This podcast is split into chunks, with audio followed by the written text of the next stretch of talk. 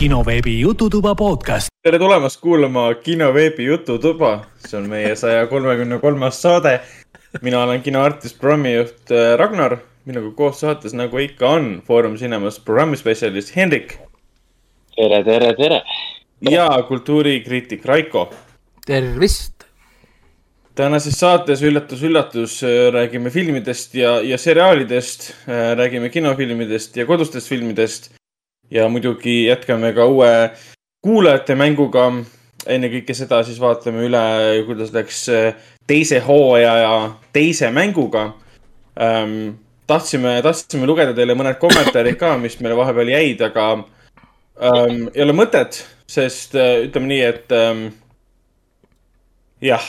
ja ei no ühesõnaga long story short, vahepeal ilmus paar intervjuud meil siin ka, kui te olete SoundCloudis käinud või vaatate kinosaade või kinoveebi, siis oli intervjuu Heinrich Sepp, rääkisin PÖFFist, filmidest, mis tuleb PÖFFi korraldamisest ja nagu siin selgus äh,, tegin õigesti, küsisin, sellepärast et PÖFFi korraldus läks kõvasti keerulisemaks. ja, ja siis teine intervjuu oli siis Firebirdi lavastaja ja, ja siis peaosalise äh, Tom Pryori ja Peeter Rebasega ja kuna see film on gei suhtest, siis nagu ikka, internet on anonüümsus, toob välja väga huvitava seltskonna, kellel on väga värvikad äh, väljendid e erinevate ja. asjade jaoks. ühesõnaga ei olnud ühtegi kommentaari, mida me saame sellest, sellest kinoveebi jõudnud saateartiklist ette lugeda ma võtsin vaevaks ja lugesin neid lootuses leida sealt mõne asjaliku kommentaari, seal ei olnud mitte ühtegi. Äh, kõik oli sõna otseses mõttes okse. Ja, äh, ja, aga... ja aitab, point on selles, et need on alles jäänud. mõelge selle peale, et Delfi moded võtsid maha sealt sadu kommentaare. ja täpselt, täpselt, täpselt. Need, need on oli... nüüd alles jäänud kommentaarid ja, aga õnneks meile, meile jäeti vähemalt üks kommentaar, mis oli mõistlik, see jäi siis saja kolmekümne teise saate alla kus jutuks oli, jutuks oli viimasest, viimasest duellist Ridley Scotti filmist. Äh, siin, seal oli üks kommentaar, mis oli mõistlik. Selle jättis äh, Jay, äh, Jay Creepers, kes siis ütles, ütles, et ajalooline draama, mis polnudki nii vilets, kui oleks võinud arvata. gladiaatorist märksa parem oma viimistluselt. väga julge, julged sõnad ja siis ta lisas, lisas veel nii palju ka, et olgu öeldud, et hashtag MeToo'ga polnud seal midagi pistmist eks see oli pigem. sa praegu tsenseerisid. aa, ta kirjutas hashtag Matt, Matt tööga. Yeah. Matt tööga. See, see on mingi Soome, Soome aktsent vist. aga, aga eks, eks see oli pigem kommentaar meie pealkirjas antud, et mis oli meelega pandud selliselt, selliselt klik, clickbaitiselt. mis seal teha, me oleme siuksed, noh, me küll ei poolda igasugust clickbaiti, aga, aga ütleme nii, et see mõnikord ka töötab ka no, ei, aga ei, see oli ju, see oli tegelikult, olgem ausad, legit küsimus, sest enne seda filmi meil käisid ju erinevad äh, sotsiaalmeedia postitused ja asjad, mis liigitasid uh -huh, seda filmi kui Me Too filmide all ja siis meie küsimus oli, kas see oli selle aegne Me Too film. mida ta tegelikult, äh, ma ei mäleta, mida me seal lõpus rääkisime. ta põhimõtteliselt on, ta põhimõtteliselt. minu meelest me vist nõustusime, et jah, ongi. ta põhimõtteliselt on tegelikult, ta ju vastab tegelikult standarditele, lihtsalt ja tegelikult ta läks ju samasse kategooriasse, me ei tegelikult ei tea, mis juhtus, sest meil pole tõendeid, me lihtsalt peame ja, võtma inimeste ja, sõnu, inimeste enda juttu. ja tõ-, ja tõenäoliselt äh, üks vähestest äh, MeToo teemalisi filme üldse, mis sellest teemast äh,, selle teema õitseme puhkedes on tehtud tõenäoliselt. Neid ikkagi on olnud. kindlasti on olnud, aga jah, võib-olla siis. ei no vaata siis, viimane duell on selles mõttes, et ta on esimene film peale mm. Me Too'd, mis on niimoodi tehtud. Ja ta on tehtud natukene te teistsuguse suhtumisega või teistsuguse niisuguse profiiliga kui filmid ennem seda. sest näiteks minu arust ja. üks, üks huvitavamaid filme, mis on nagu Me Too vastane film, oli see Kevin Spacey'ga, mis oli see Life of David Gale oli vist see, mis see film, üheksakümnendate oma. kus kohas see naine ütleb, et David Gale vägistas teda, kui tegelikult ei vägistanud ja siis ta mõistetakse süüdi mm. -hmm. ja ta ja, ja siis selle asja point oligi võidelda surma nuutluse vastu ja siis David Gill huk hukatakse ära. ja kui sel-, pärast selgub, et ta on tegelikult süütu, naine valetas, siis on juba hiljem midagi teha ja point oligi, selle jaoks ei tohikski eksisteerida surmanuhtlust. sest me ei saa võtta surma enam tagasi, me saame inimest vangist välja lasta, aga me ei saa ju inimest tagasi tuua nagu. nii et noh, siin on olnud erinevaid filme, mis vaatavad seda nagu ühelt poolt või teiselt poolt, nii et jah. Aga ja, ja Delfi, Delfi, Delfi kinoveebi lehel äh, meie viimase täispiku podcast'i all, viimase duelli all oli üks tüüp pannud ka siia mingisuguse antimaskeri ja antivakseri teemalise aa jaa, ei need, joru, neid võib lihtsalt ignoreerida, ma arvan. mis, kuigi see on, ma saan aru, et eesmärk oli siis lambise postituse alla kommenteerida, lambist jama. ja, ja nagu ikka. podcast'iga ei ole, et noh, jah. aga, aga jah, need olidki kommentaarid, et seekord rohkem ei jäänud. ta, ta nagu, nagu eelmisel, eelmisel korral, kui meil oli esimene hooaeg kuulajate mängus käimas, siis osad kommentaarid tulevad ka läbi siis kuulajate mängu. aga, aga mis juhtus siis kuulajate mängu teise hooaja teise osa yeah. tulemustega, sellest kõigest räägib meile Raiko. jah, kohe liigume sinna, ennem kui ma liigun, mul üks huvitav filmi fakt, sest äh, vaata Artises, kes ei märganud, ei pannud tähele, oli ju Psühho, jooksis siin korraks kakskümmend viis inimest pani tähele, ei vabandust, kakskümmend seitse inimest pani tähele. jah, et oleks võinud ju rohkem olla, onju. sellepärast, et on leidnud?, et, et siin üks huvitav fakt oli see, et see oli esimene film Ameerika kinoekraanidel, kus näidati vetsupotist vee laskmist. ja, Ralf Sauter oli, sama asja rääkis äh, selle filmi sissejuhatuses ka. sest see on siiamaani huvitav, et ja, see on See nagu siia-, mis puudutab seda filmi või? ja, et see on nii veider lihtsalt, et kunagi oli kriitikud, mitte kriitikud, vaid tsensorid keelasid ära sellise asja näitamise. kõige tavalisem asi, mis saab üldse inimese nagu ühiskonnas eksisteerida, oli, oli keelatud. WC-pott ja kraanikauss, jõhker oli, tsenseerime ära. jõhker, jõhker teema, seda kindlasti ei tohi näidata laiemale avalikkusele. aga siis, siis, siis poleks tohtinud lapsi mähkmetega ka näidata näiteks. jah, nüüd on jälle niimoodi, et paned õhtul teleka tööle, vaatad mingi mähkmetest tiit jookseb ringi, et eh, osta talle püksmähkmed. okei okay,, maybe I do, noh. ja võib-olla oledki reklaami ohver, sa oled ajupestud ohver, nii et äh, jah, Mi- nüüd on mul laps ka, nüüd ma saan osta palun lihtsalt ava oma silmad ja vaata ringi, mees. aga nii, tõepoolest, meil äh, teine sai läbi. ja siis see teine äh, kuulajate mäng uues formaadis, mis täna jälle natukene võib-olla muudab formaati. kus me siis praegult oleme teinud äh, muusikat, introt äh, seriaalidest ja siis lisaks veel pildid äh, siis äh, kinosaade.ee lehelt. ja nagu praegu on näha, pildid on võib-olla liiga rasked. Sest äh, väga paandunud suured filmisõbrad ei suuda neid pilte leida, ei panna, mis oli ka point, ma tegin pildid meelega nii, et sa saaks neid Google Image Searchiga leida. aga võib-olla ei peaks seda tegema nii, et proovime, vaatame, kuidas inimestele meeldib natuke teine formaat. nii, aga võtame korraks need õiged vastused äh, üle äh,. muusika, mis meil siis käis läbi äh,, oli siis järgmine, esimene oli muidugi filmist Dune, sest äh, film oli tegelikult väga hea, lihtsalt äh, äripraktika jätab kõvasti soovida. teine töö Squid Game, omajagu räägitud äh,, natukene natukene populaarne. siis veidi populaarne ja, jah. ja. number, number kolm äh, What if äh,, Disney oma äh,, siis number neli on äh, Sea või siis noh, täpsemini siis peaks ütlema, et äh, Sea teine hooaeg. Aga noh, Sea on ka õige vastus. E2, ma jah, et äh, Sea two ehk siis äh, näe ka, võiks siis öelda, sellised, sellised väga niisugused äh, haritud äh, huumori, mo-, momendid meil siin ongi. kõrglikult pilota. või pilota. number viis oli Cobra Kai ehk siis äh, Strike First, ma tegin ju vihje ka tookord seal otse kohe peale seda, et äh, kes siis esi, esi, esimesena lööb, loo nimi tegelikult oligi Strike First. Number kuus Castlevania, mega, megatseenist ilus kõva muusika, legit üks, üks aasta parimaid asju. see on ka mi- minu, minu topis, kus on endiselt ainsana minu topid veel, ma arvan, et aasta saab ennem läbi, kui Hendrik ja Ragnar sinna topid saavad püsti. jah. siis jaa. Äh, jah, ja number need on, seitse need on ja number seitse oli filmist Final Fantasy seitse Advent Children, kurikuulus Sep- Sephiroth karakteri antagonisti teemamuusika nimega One Winged Angel, see on kuulus nii filmimaailmas, nüüd ka videomängude maailmas, hästi kuulus üldse igatepidi. ja pildid, esimene pilt oli seriaalist Hannibal, see kuulus, see oli üks rikkur siis, kel nägus sead ära sõid.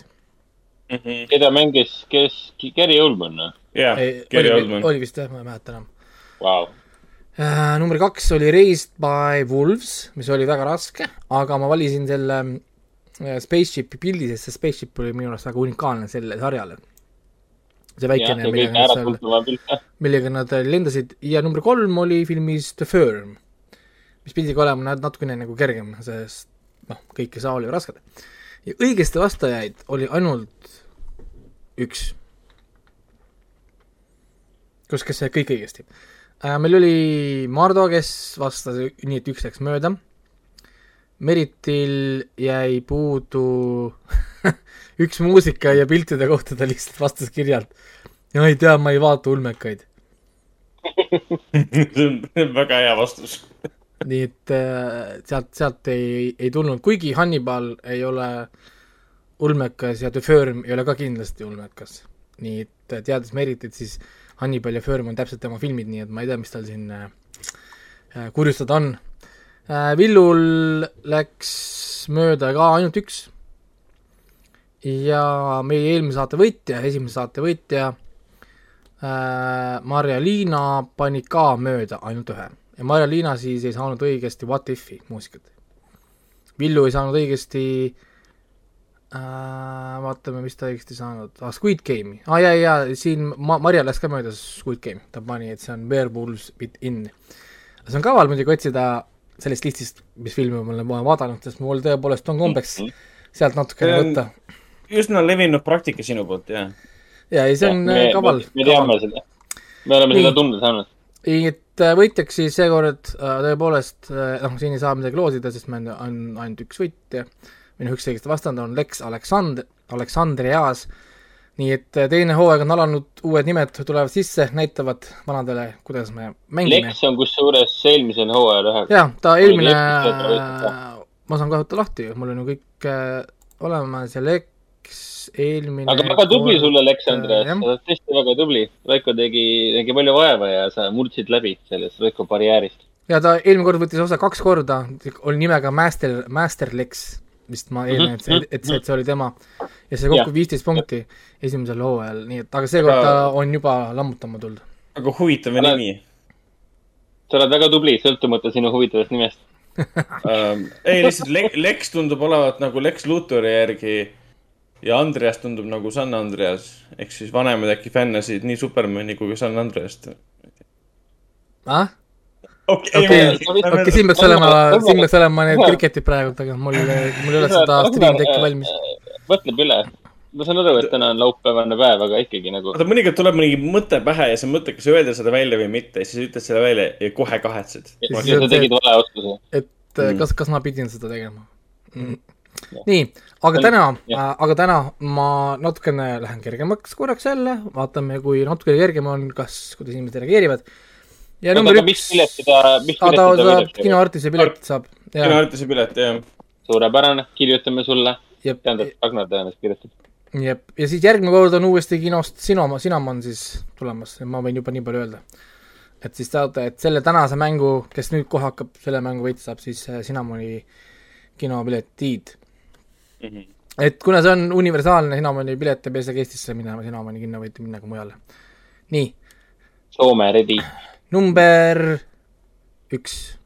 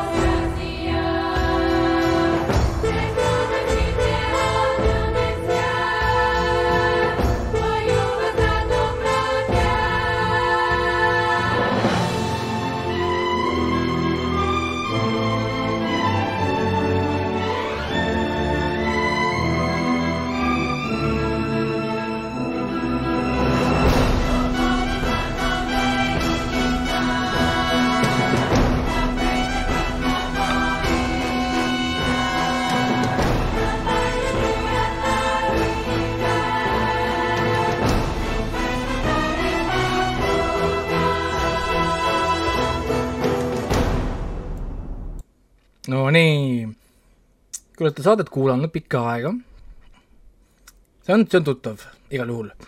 jah, see oli number üks äh, siis kolmanda kuulajate mängu siis osast, number kaks tuleb nüüd.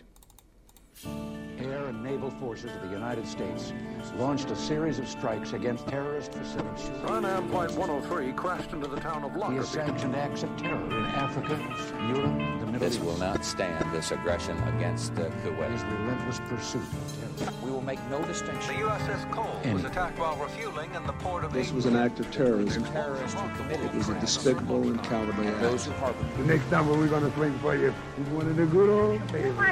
Until something stops him. I- am just making sure we don't get hit again. Firefighter Jermaine, I guess you got this already. Thousands of people running. We must, and we will, remain vigilant at home and abroad.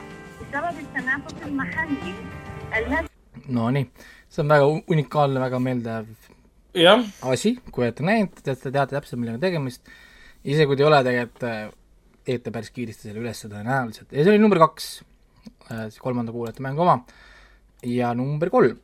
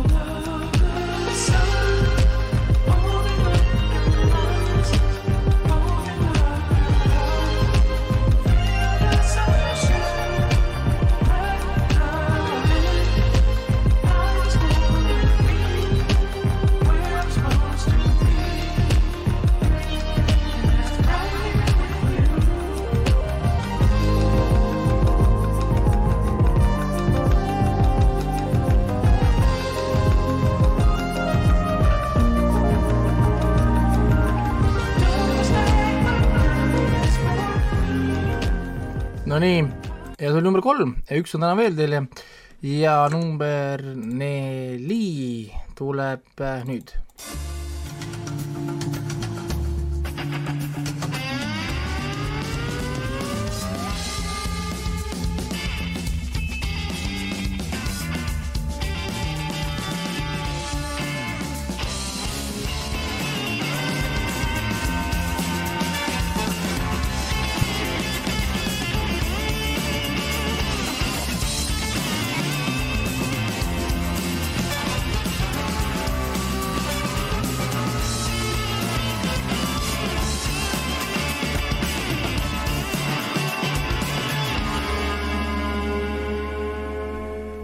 Nonii, jah, need olid siis tänased neli tükki. nii vähe. Need äh,, vähe jaa, aga, aga rohkem pole pealt vaja.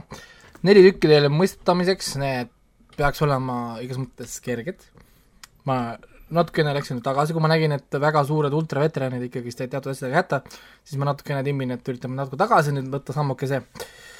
Ja piltidega siis muutsin ka natukene süsteemi, nii palju selgitan, et need uued pildid, mida te vaatate, need ei pruugi olla enam stillid või nagu öeldakse, screenshot'id või tõmmised või ühe konkreetne kaader, vaid ta võib olla ka lihtsalt sümboolne re- representation of that movie or a TV series, ehk siis kui te vaatate seda pilti, ta peaks teile andma idee, et millega on tegemist. vaatame, kuidas meil see siis välja tuleb ja kuidas inimesed saavad aru. Ja vastused siis ootaks järgmine nädal viiendaks novembriks, circa kaheksateist kandis võiks olla siis nad käes. ja info at kinosaade.ee siis emaili peale. Ja muud vist olegi, ma juba mainisin ära, et järgmine kord siis on Cinnamoni piletid ja, ja pildid siis leiate sealt kinosaade.ee, lähete kuulajamängu tääbi peale. Ja pildid on siis ka kohe üleval, käivad ilusti ringi või siis saate vaadata. üks asi jäi eelmisest saatest äh, mainimata, et üks, üks vastaja oli meie käest tegelikult küsinud seoses selle Alec Baldwini äh, tulistamisjuhtumiga, et kas me teame veel äh, selliseid suuremaid juhtumeid võtta platsidelt. jaa, aga noh, Äh. tegelikult ma vist, kas ma ei maininud, ma tegin teie kino veebi jaoks artikli sellel teemal. Ja aga saates me vist sellest seda saatest vist ei rääkinud, aga kinoveebist muidu saab minna jah, kui lähete, siis seal olid teised juhtunud õnnetused ja siis ma lihtsalt korjasin kokku kiiresti, tegin ühe listi. ja, Ja- no ki- kinoveebis ma kunagi tegin ka päris palju neid, et neid on ikkagi olnud. et see Brandon, Brandon Lee on üks asi, aga siin Twilight Zone'i selle mustvalge filmi võtetel helikopter kukkus alla, lihtsalt seal mingi kaks last sai surma ja piloot ja igasuguseid asju on tegelikult juhtunud, et on, on nii-öelda palju hullemaid asju juhtunud kui tulistamised. on plahvatused ja kõik siuksed asjad, need on võrdselt kohutavad asjad muidugi, et inimesed kaotasid elu ja kõik see. ei no niisugused Aga- jaa, niisugused vigaseks jäämised on ka olnud ju see kas-, kaskadöör ju, kes kaebas kohtusse need teised, kui ta oma selgroa ära murdis ju. jaa, kas mitte, kas mitte Harry Potteri filmide see Daniel Radcliffe'i stunt double tegi ka endale vist viga ja jäi äh, äh, jaa jaa, oli küll, ta jäi halvatuks ja siiamaani halvatud ja ta hakkas tegema podcast'i. Koos. Daniel Radcliffe'iga ja ta hakkas tegema podcast'i koos teiste kaskadööridega, Jah. konstablidega nii-öelda. ja Radcliffe tegi mingisuguse fondi ka ja ma- maksis talle räiget raha põhimõtteliselt ja kõik siuksed asjad, et no jaa, ei see oli kuskil, ma ei mäleta, mis filmis, kas äkki oli Wonder Woman või? Ma ei mäleta, ühesõnaga kuskil keegi mingi hästi, ei, see oli selles Resident Evilis. no. selle Milla Õigus, üks, üks nendest kaskadööridest kukkus mingi auto peale, mingi asi kukkus talle peale kuskil või, Jaa. ühesõnaga tal oli mingi selgrovigastus ja jäi in- invaliidiks ja siis ta kaebas kohtusse nad, sest nad eirasid mingisuguseid nõudeid või asju. nojah et- selle Alec Baldwini filmi võtetel ka tuleb välja, et heiratigi oi, siin on issand see üle, üle päeva nüüd tulevad pikad artiklid ja ime, et midagi hullemat ei juhtunud. et keegi lähebki selle eest vangi igal juhul seal tõenäoliselt. ja Alec Baldwin pole selles kindlasti süüdi. noh, ma ei tea, ta oli ka produtsent veel peale selle, et ta ise oli osatäitja ja kui sa oled oli produtsent, siis sa ikkagist vastutad, nii et no selles mõttes sa vastutad juriidiliselt, aga ta pole süüdi selles mõttes, et, et ta justkui, et see, et ta tulistas seda operaatorit. ei vahet ei ole, kui nüüd, kui lõpuks keegi läheb vangi, siis hakatakse vaatama, vaatama produtsentide poole. Ta ei, ta ei ole üldse kuskilt äh, väljas teemast. selles mõttes küll, jah. Aga mina täitsa teda isiklikult ei reaalselt- süüdista nagu tapmises selles mõttes, et, et kuskil käis läbi ka, et Baldwin ise oleks pidanud kontrollima, aga see on umbes see, et näitleja teab midagi kuulidest äh,. mida ta kontrollib seal? talle öeldakse, et see on vastavad, padrun vastavad erialaspetsialistid. ma ei tea jah, et, et siin kuskil filmis oli kogu see produktsioon oli täiega peast mädanes. kas vist oli keegi näitas, kuidas John Wickis tehti, enne kui tehti tulistamisstseene inimeste poole, nad tegid äh, ühe tühja lasu alati kõrval olevale märklauale. jah, täpselt. noh, keegi teeb ühe vea ja, ja. nagu Vene rulett. jah, ei no see oli nagu see, see oli nagu see, et, et viis kuuest teadlasest ütlevad, et Vene rulett on ohutu.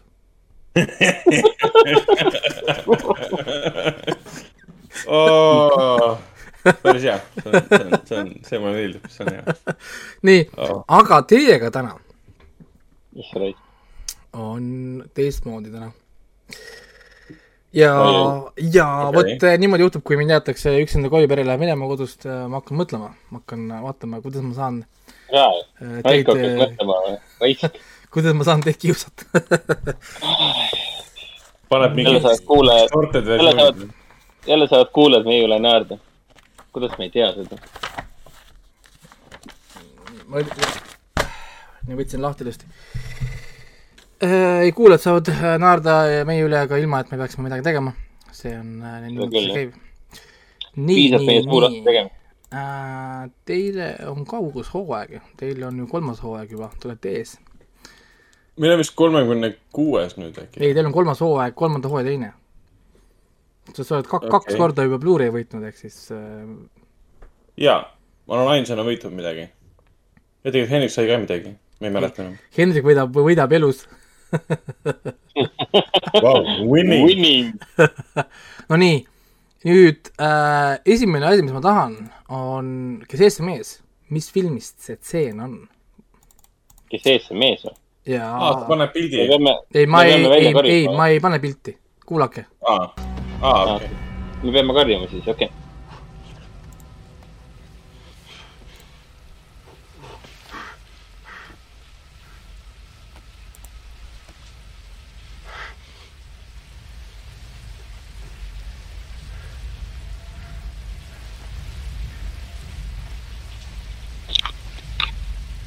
Ja see läheb paremaks, ära muretse, see ei jää niimoodi. vihma sajab.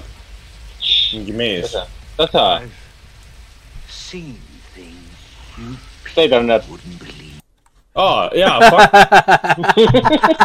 tubli aga. pidime kirjutama või? ei pidanud ei või?, ei pidanud kirjutama, kes SMS, kes ütleb kohe saab. aa, okei okay,, ma oleks vasta-, valesti vastanud niikuinii. ma, miskipärast tuli vähe see Hugo ja, Vivingu. ja, ja see on, see on kuulus stseen jah, Tears in the Rain stseen siis äh, filmist Blade Runner, kui te ei ole ähm, näinud, siis see on tõepoolest äh, oot, oot, Oluline- oluline tseen. mis Hugo Weaving? ei, ta pani, vastas Matrixit, ta vastas Matrix. ei, mulle vihmaga seostus äh, Aa, näiteks jaa, äh, jaa, kolmandast äh, Hugo. Weaving. nii, aga, aga sellega pole veel läbi. Nüüd ma oota, tahan aga mis teada siis, ütleme otse mikrisse, mitte ja, mitte ja, kirjutada. ja, ja, ja nüüd ma tahan teada Aa. veel teie käest midagi. ma tahan Okei. teada, kes on äh, see raamatu autor, mille põhjal see film tehti. Philip K Dick või? tubli, aa, nagu on küll. Braidenit, me räägime ikka veel Braidenist. ja, ja seesama, jah, ja, ja siis ma tahan teada, kuule, sa pead ette hoiatama, ma Jaa, mõtlesin, et sa jaa. esitad järgmise heli ja siis sa küsid, et mis see auto ja ma, ma küsin järgmise heli kohta ka, aga nüüd ma tahan teada, millise näitleja ta ise välja valis. Philip K Dick aa, Hoieri. tõenäoliselt. mm. -hmm. õige otsus. Rutger.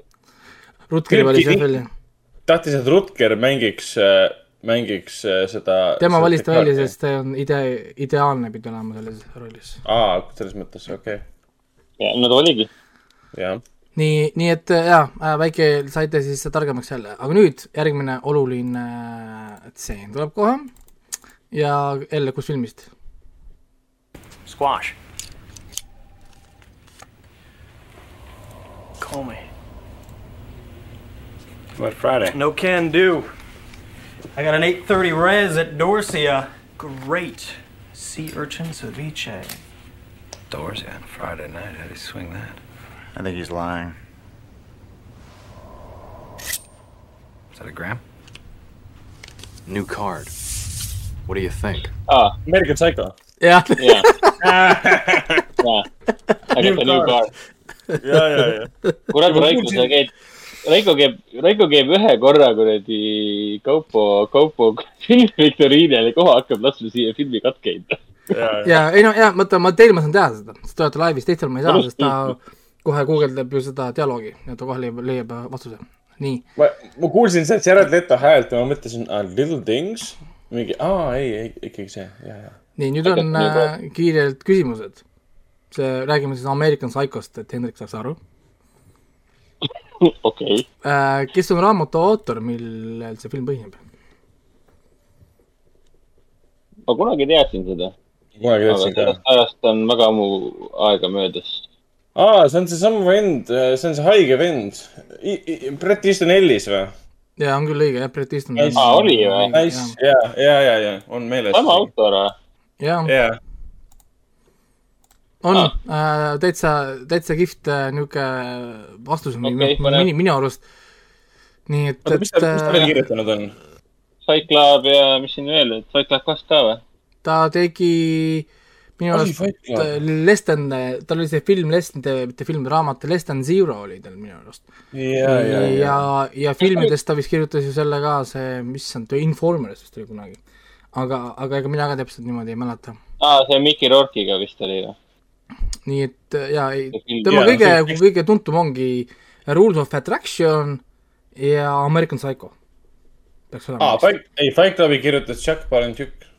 ja, ja. aa, Jah. Palantšuk oli see, sorry, sorry, minu, minu, jah, mul aga, lähevad need, aga, aga, aga nüüd on veel üks hu huvitav küsimus siis American Psycho kohta teile, on mis oli selle filmi tegemisel kõige suurem kulu, nagu rahalises mõttes? mis tundus mulle väga niisugune huvitav väikene faktoid. veri. ei ole veri, no riided või noh, kostüümid nope. nii-öelda. Needsamad kaardid. ei olnud, on või? ei olnud, ei olnud. kõige suurem kulu kõikides asjades kokku. Kile, ah, kile. kile, jah. Genesis'e muusika kasutamine. muusika kasutamine, jah. Gene-, jaa, sest tal oli Genesis'e muusikatseen ja Phil Collins ja kõik see. Et see license äh, tasu. ja, ja see oli üli, ülekaalukalt teistest kuludest, palkadest, reklaamidest, kõikidest kõige rohkem. sest No neil oli, oli oli vaja seda muusikat kasutada ja, ja siis nad leidsid, et see on, oli seda väärt. jaa, sest noh, sa, film oli üheksakümnendatel ja, ja Genesis ja, ja kõik need olid äh, oma kuulsuse tipus, Phil Collins ja kõik see, et noh. jaa. ei tea, The Segus äh, muusika oli tõepoolest äh,, mille peale siis neil raha kulus. Ja nüüd on äh, järgmine ja viimane siis äh, see tseen teile. ja filmist. siis, kust filmist siis see on pärit. okei. You married into it. We lived in Temple, Texas for many years. Äh, see, No Country for Old Men. The Segus. täiesti õige, täiesti õige. ma alles hiljuti vaatasin seda stseeni uuesti. Heads or Tails, selle, selle. jaa, see on nii, see on nii brilliant siin, et uh, holy shit. jaa, mul sellest vanamehest nii kahju oleks. Quality, ma quality. tahan, ma, ma tahan lihtsalt sitta müüa, mida sa tahad must. nii, ja on küsimused siis jälle, kes on selle raamatu autoriks? Cormac McCarthy. täitsa õige, on küll Cormac McCarthy, jah. kuule, ma Ma teadsin seda, ma mõtlesin, et see on nii kerge, aga mõtlesin, olgu no fine, okei okay. Ma pole lugenud, aga see on mu meeles alati olnud. ja mõtlesin, et noh, kas ma küsin või ei küsi, küsin või küsin, mõtlesin, olgu, kui ma juba küsisin igalt poolt raamatuid, siis sa pead mõne kondi eh, Hennikule ka viskama, et noh. et äh, ja toss, toss a coin to Hendrik. Witcher ise hooaja treiler tuli ka vahepeal välja, nii et seal Ma ei laulu, ma olin pettunud. ja ei noh, see on nüüd äh, jah, temal on nüüd päris äh, palju erinevaid äh, raamatuid ka äh,. mis oli ka, tööd, aa ta kirjutas filmi The Road ka vist ju. jaa. jaa, Oli, raamatu jah. põhjal tehti. see ainuke raamat, mis ma no- lugenud olen. nii-öelda jah, aga okei okay,, nii ja, ja Hendrik siis sai punkti, nüüd on oluline küsimus veel. kaks tuhat kaheksateist jaanuaris sai see film ühe erilise auhinna, mis oli äh, just suur peegeldus ühe karakteri esitamisele. mis see, mis niisugune eriline auhind see oli? kaks tuhat kaheksateist sai jah? kaks tuhat kaheksateist jaanuaris anti sellele filmile auhind ja ühe karakteri kujutamisel. miks see auhind nii hilja mis oli eriti suur peegeldus ühe karakteri esitamisele. mingi Tommy Lee Jones'i vana politseiniku teema. äh,. ei äh,, lihtsalt niisugune, mis on siin filmis, mis tõuseb esile või niisugune nagu powerful stuff no ainult Anton Chigurh on ainuke asi, mis äh, on, on asi, mis meelde jääb. kõige, või noh, mitte ainuke asi, mis meelde jääb, aga põhiline asi, mis meelde jääb. halvima soengu auhinna või, ma ei tea. aa, oli ju. ei olnud, ei olnud, ei olnud, ei olnud, ei olnud. mingi Woody Harrelsoni teema või Nope. ei saa olla. see on, muidugi te, te ei pruugi seda välja mõelda, sest noh, see on tõesti pakkumise peale, ega, ega seda, kui sa ei ole lugenud seda, ei tea. oota, oota, oota, oota, oota, las ma No. mõtlen natuke veel, et siin, mis siin filmis veel silma paistis siin. Brolin ja Harrelson ja. mingi, mingi parim kujutus Texasest või? mitte Texasest, aga iseenesest päris lähedal. juba idee oli parim kujutus millegist või kellegist. et mingi American nutshell või? oota, kas see Anton Chigurh peaks siin mingi autist olema või? ei ole. parim, parim kujuti, kujut-, kujutamine autistist või? see, kui see on parim kujutus autistist, siis äh, Hollywoodi filmis, siis, siis That's toxic nagu ah.. Um, okei, kui läheb sellest, no,. ma ei tea vist kui jah. läheb siis sellesse auku, et ähm, no nii, no nii, näita nüüd, näidake skill'i. viige, viige asjad kokku. kuulutati selle mingi, mis iganes osariigi siis nagu rahvusfilmiks või mingiks anti, ma ei teagi. on, andis reisijaile mõttes linna huvitav ma võin öelda, näed, et äh, grupp teatud ameti esindajaid uuris nelisada filmi sellel teemal, kus käivad need inimesed läbi ja, ja leidis sealt sada kakskümmend kuus sellist karakterit, kellest äh, kõige parem esitlus, no eks number üks anti sellele filmile. ma siis veidike näitan, millest ma, millest ma räägin. No mingi. räägime karakterist ju, mis asja, siin filmis ei olnud nii erilisi karaktereid ju. nagu mingi kõige parem mingi Texase hillbilly, see aktsent või? ei ole, okei okay.. midagi sellist peaks olema jah, nagu. ei, no olgu, olgu, aitan välja, parim psühhopaat.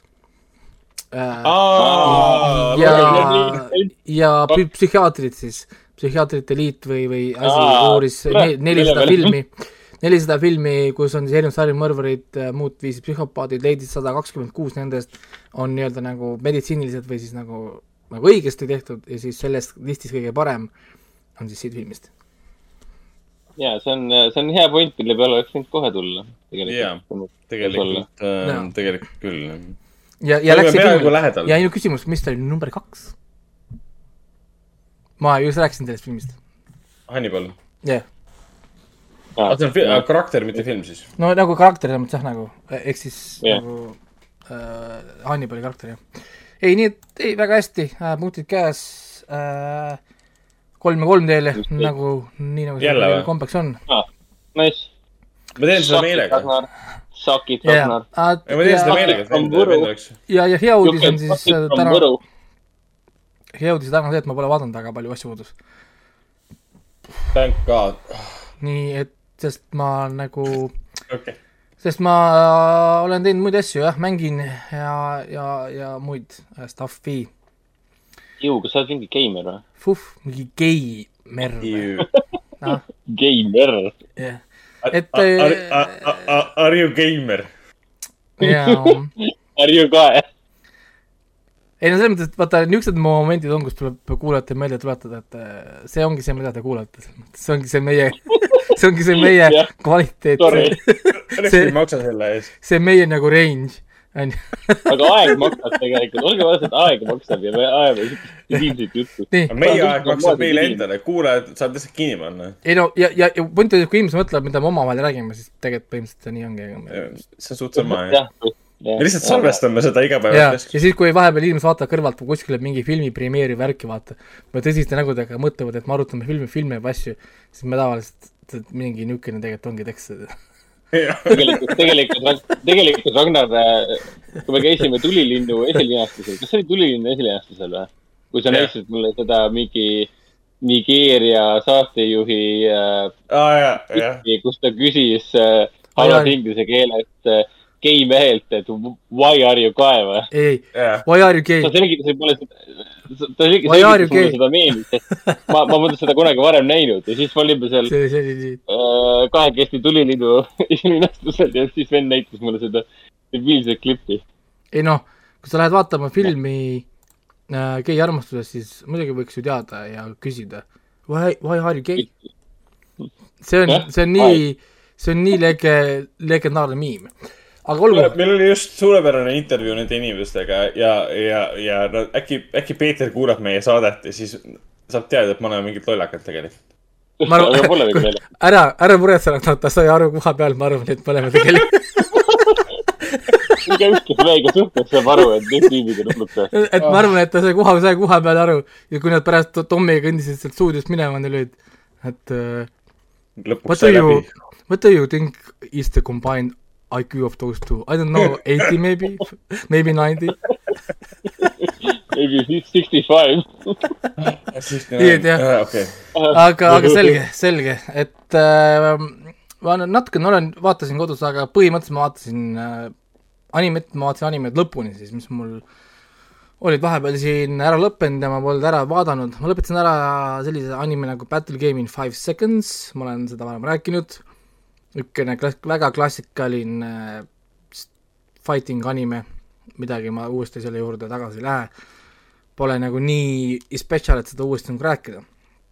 Siis ma lõpetasin ära anime, mille nimi on siis I m standing on a million lives. Äh,. ja ma just nagu meenus rääkisin, ma natuke, natuke kiitsin seda, sest tal on väga niisugune huvitav premise ja see tegelikult see story on nagu väga kihvt, et ta ei ole küll mingi ultra kvaliteetne, selles mõttes me ei võrdle seda mingi Demon Slayeritega või Jujutsu, Jujutsu Kaisenite või mingi niisugustega mm. -hmm. aga, aga ütleme, tal on selline story ja karakterid ja väga niisugused veidrad tumedad teemad ja, ja, ja ma noh, tuletan natukene meelde, noh, noh, enamasti anime stuff läheb niikuinii ühest kõrvast sisse ja teisest kohe välja, siis see rääkis sellest, kuidas äh, üks siis mingi poiss, seitseteist, kaheksateist, üheksateist, circa seal ülikool, mitte ülikooli, vaid keskkooli lõpus äh,, tõmmatakse siis ka teise maailma äh,, kust on siis juba kaks äh, tüdrukut ennem, ei, üks tüdruk ennem nagu teda või kaks tüdrukut, ma ei mäleta enam juba. Ja siis nad eh, hakkavad nagu koos missioone tegema, iga kord, kui nad missiooni teevad nagu ära, siis nad lähevad oma maailma tagasi ja mingi hetke pärast nad tõmmatakse lihtsalt uuesti lupsti sinna maailma jälle ja, ja niimoodi nad teevad nagu ülesandeid, iga kord, kui nad teevad missiooni ära, järgmine kord neil on üks inimene rohkem. noh, nagu neli, viis, kuus, seitse, nende punt kogu aeg kasvab ja ülesanded lähevad järjest raskemaks. ja, ja siis see premise oligi nagu see, et aeg liigub erinevalt. ehk siis äh, meie maailmas nad on ära võib-olla, ma ei tea, pool päeva, võib-olla mingi tunnikene ainult, tulevad tagasi, elavad oma elu siin edasi, aga nüüd, kui nad järgmine kord lähevad sinna fantastilisse maailma tagasi, seal läinud mööda aastat.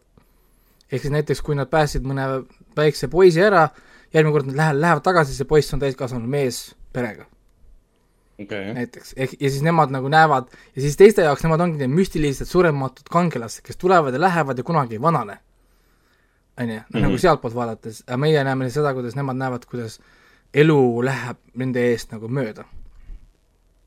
ja, ja siin on olnud väga niisuguseid tõsiseid nagu episoode, kus kohas see poiss leiab omale armastuse sealt maailmast, siis ta läheb oma maailma tagasi, läheb pärast järgmisele missioonile, naine on juba vana, lapsed ja muud tegelased ja siin on väga niisuguseid raskeid stseene ja, ja väga niisuguseid väga niisuguseid, ma ei tea, ongi nagu tõsiseid raskeid stseene on siin päris nagu palju ja väga hästi lavastatud on see, ma räägin, et siin on asju tegelikult, mida nagu kiita. ja, ja muidugi mul, mul see, see pitch meeting ute mm, Youtube on mind ära rikkunud selle koha pealt, et et selle sarja esimese hooaja kõige viimane lause oligi I m standing on a one million lives, see karakter ütleb. ja siis mulle tuli peas see, peast pähe see äh, pitch meeting ute pro-, produtsent, kes ütleb But that's the name of the show ja, ja on jah, täpselt. Et It really is, indeed. wow, but that's the name of the show ja, ja ei, kihvt selles mõttes ta, tal on nagu tumedad teemad ja, ja siin on teemasid, nad alguses suhtuvad sellesse maailma kui nagu videomängulik, neid ei huvita. siis nad saavad teada, et see on tegelikult päris maailm, mis eksisteerib, eks nad tapavad kedagi, siis nad tapavadki kuskil mingit päris noh, nagu olendit või inimeste asju, siis nad võitlevad seal depressioonidega, enesetapumõtted ja muud asjad ja siin on niisugused teemasid, mis tegelikult nagu nii naljalt animest läbi ei käi, kui sa just ei otsi ise mingisugust väga huvitavat asja. nii äh,, liigume edasi äh,, veel üks anime, vaatasin täitsa uue anime ära, ainult kaksteist episoodi, nüüd on väga lihtne vaadata. vaatasin ära Tsuk-, Tsukimishi Moonlight, Moonlight Fantasy, mis on väga klassikaline isekai anime. Tuletan meelde, isekai anime on siis, kus karakter võetakse, pannakse teise maailma, ta enamasti fantastiline maailm ja siis tal on seal mingid võimed. ja siin ongi siis, et äh, meie pea, peategelane viiakse ka uude maailma, aga selle uue maailma jumal, jumalannale ta ei meeldi, sest ta näeb kole välja.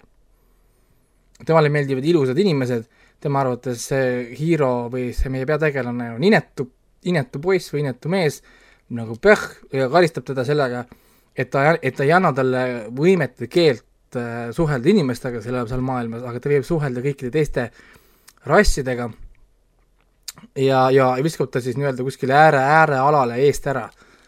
noh, nagu nii-öelda. ja siis meie siis see Hiro hakkab siis liikuma siis nii-öelda nagu mööda seda maanteed ringi, leiab omale sõpru siis erinevatest teistest rassidest ja tõepoolest inimestega ta suhelda ei saa ja nii ja nii edasi. ja muidugi ta on overpowered või siis ta on megatugev võrreldes teistega seal ja siis niisugune väga klassikaline isekai anime, sa lihtsalt vaatad ja naerad, kui noh, kui tugev ja võimas siis keegi tegelikult on ja üldse eirab kõik reeglid ja, ja ja nii edasi. kaksteist episoodi kiire vaatamine. siis üks päev niisama scroll isin neid veidraid Aasia streaming service eid. vaatasin, mis seal head on.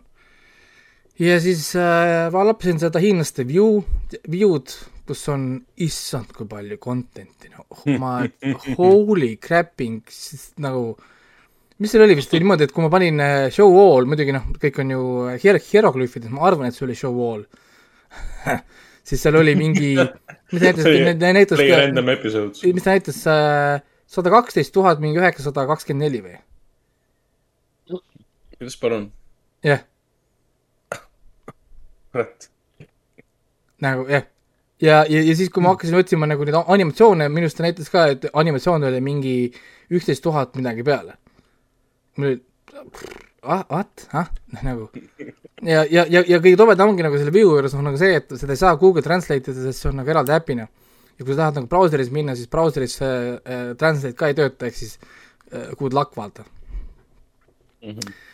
ja siis lappasin seal ja leidsin sealt ühe siis, mis tundus olevat trending või populaarne list tundus olevat, sest mul pole õrna aimugi. ja va-, panin siis peale ühe anime, mis kannab nime siis Quan Chi Fashi. jah. okei okay,, mis see tähendab? see tähendab äh, äh, mis ta tõlkes oli, mingi eriti agar äh, merchant. või nagu see kaup, kaupmees, mis pole okay., pole kuidagi sarjaga seotud, nii et ma ei tea, mida see nagu tähendab. okei okay. ma panin selle Google Translate'i ja, ja siis oli mingi Very Valorant äh, merchant või kuidagi niimoodi oli see, ei tea. Mm -hmm.. ühesõnaga, Quanchi Fashi ja vaatasin neli hooaega ära, üks on veel. ja oi jumal, kui halvasti see on animeeritud, dialoogid on mm. üle mõistuse kurvad, näiteks äh, kes iganes seda animeeris, nad vist kuskil animatsiooni võib-olla õppinud, võib-olla on teinud, ma ei tea aga siin on need klassikalised, need, kus on vaata, pilt on paigal, ta raputab pilti, vaata. nagu umbes, et see on nagu vaata, koletid jooksevad, vaata, onju. noh, või siis koletis hüppab, lihtsalt üks nagu pilt on jälle, siis, siis nad tõmbavad jooni, vaata nagu, et keegi nagu lööks, vaata. no saad aru, mingi niisugune, niisugune nagu, niisugune animatsioon on siin. ja, ja need dialoogid on lihtsalt, või siis muidugi muidugi küsimus on selles, et kas ma sain üldse aru, sellepärast et ma kasutasin auto-translated subtitles. sest äh, Vue ei lisa ju automaatselt ingliskeelseid subtiitreid, neil pole ühtegi põhjust, põhjust lisada ingliskeelseid subtiitreid. ja, ja oi jumal äh,, igal juhul auto-translated sub-, subtitles oli iseenesest päris nagu fun. siis on, sina, siis, et sina, mida teed siin, vaata umbes, siis yeah. et äh, mina võitlen, siis oli võidad mida, mina võitlen äh, sinuga, siis oli oota, miks, oota, miks sina jooksed, siis mingi niisugused, siis ma olin, et ahah, okei okay,, et äh, mm -hmm, fun aga, aga ütleme, kontekstist enamasti ma sain ikkagist aru ja noh, nagu isegi, ikkagi see doesn't make sense.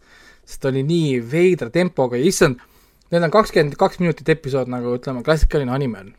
aga siin on väga huvitav tehtud.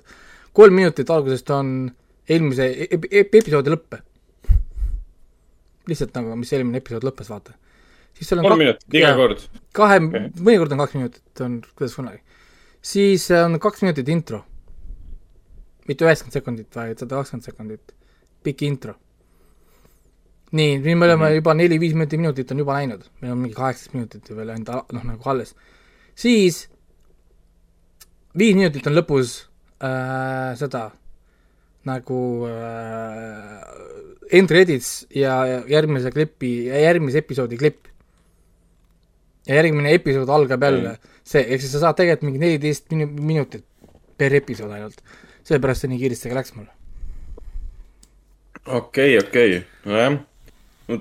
tabavad selle nii-öelda formaadi pikkuse ära, aga sisu on tegelikult viisteist minutit. ja väga vähe on ja episoodid on kaksteist episoodi on hooaeg ehk siis ma mm -hmm. vaatasin neli hooaega, siis ma vaatasin nelikümmend kaheksa episoodi, igaüks umbes viisteist minutit, ehk siis ma tegelikult vaatasin ju väga vähe, sest neli episoodi on siis tegelikult ainult tund aega ja nii edasi. Ja siis niimoodi hakkad nägema, et noh, tegelikult on kolm tundi hooaega ainult ja nii edasi. noh. Mm -hmm., nii et äh,, millest see räägib?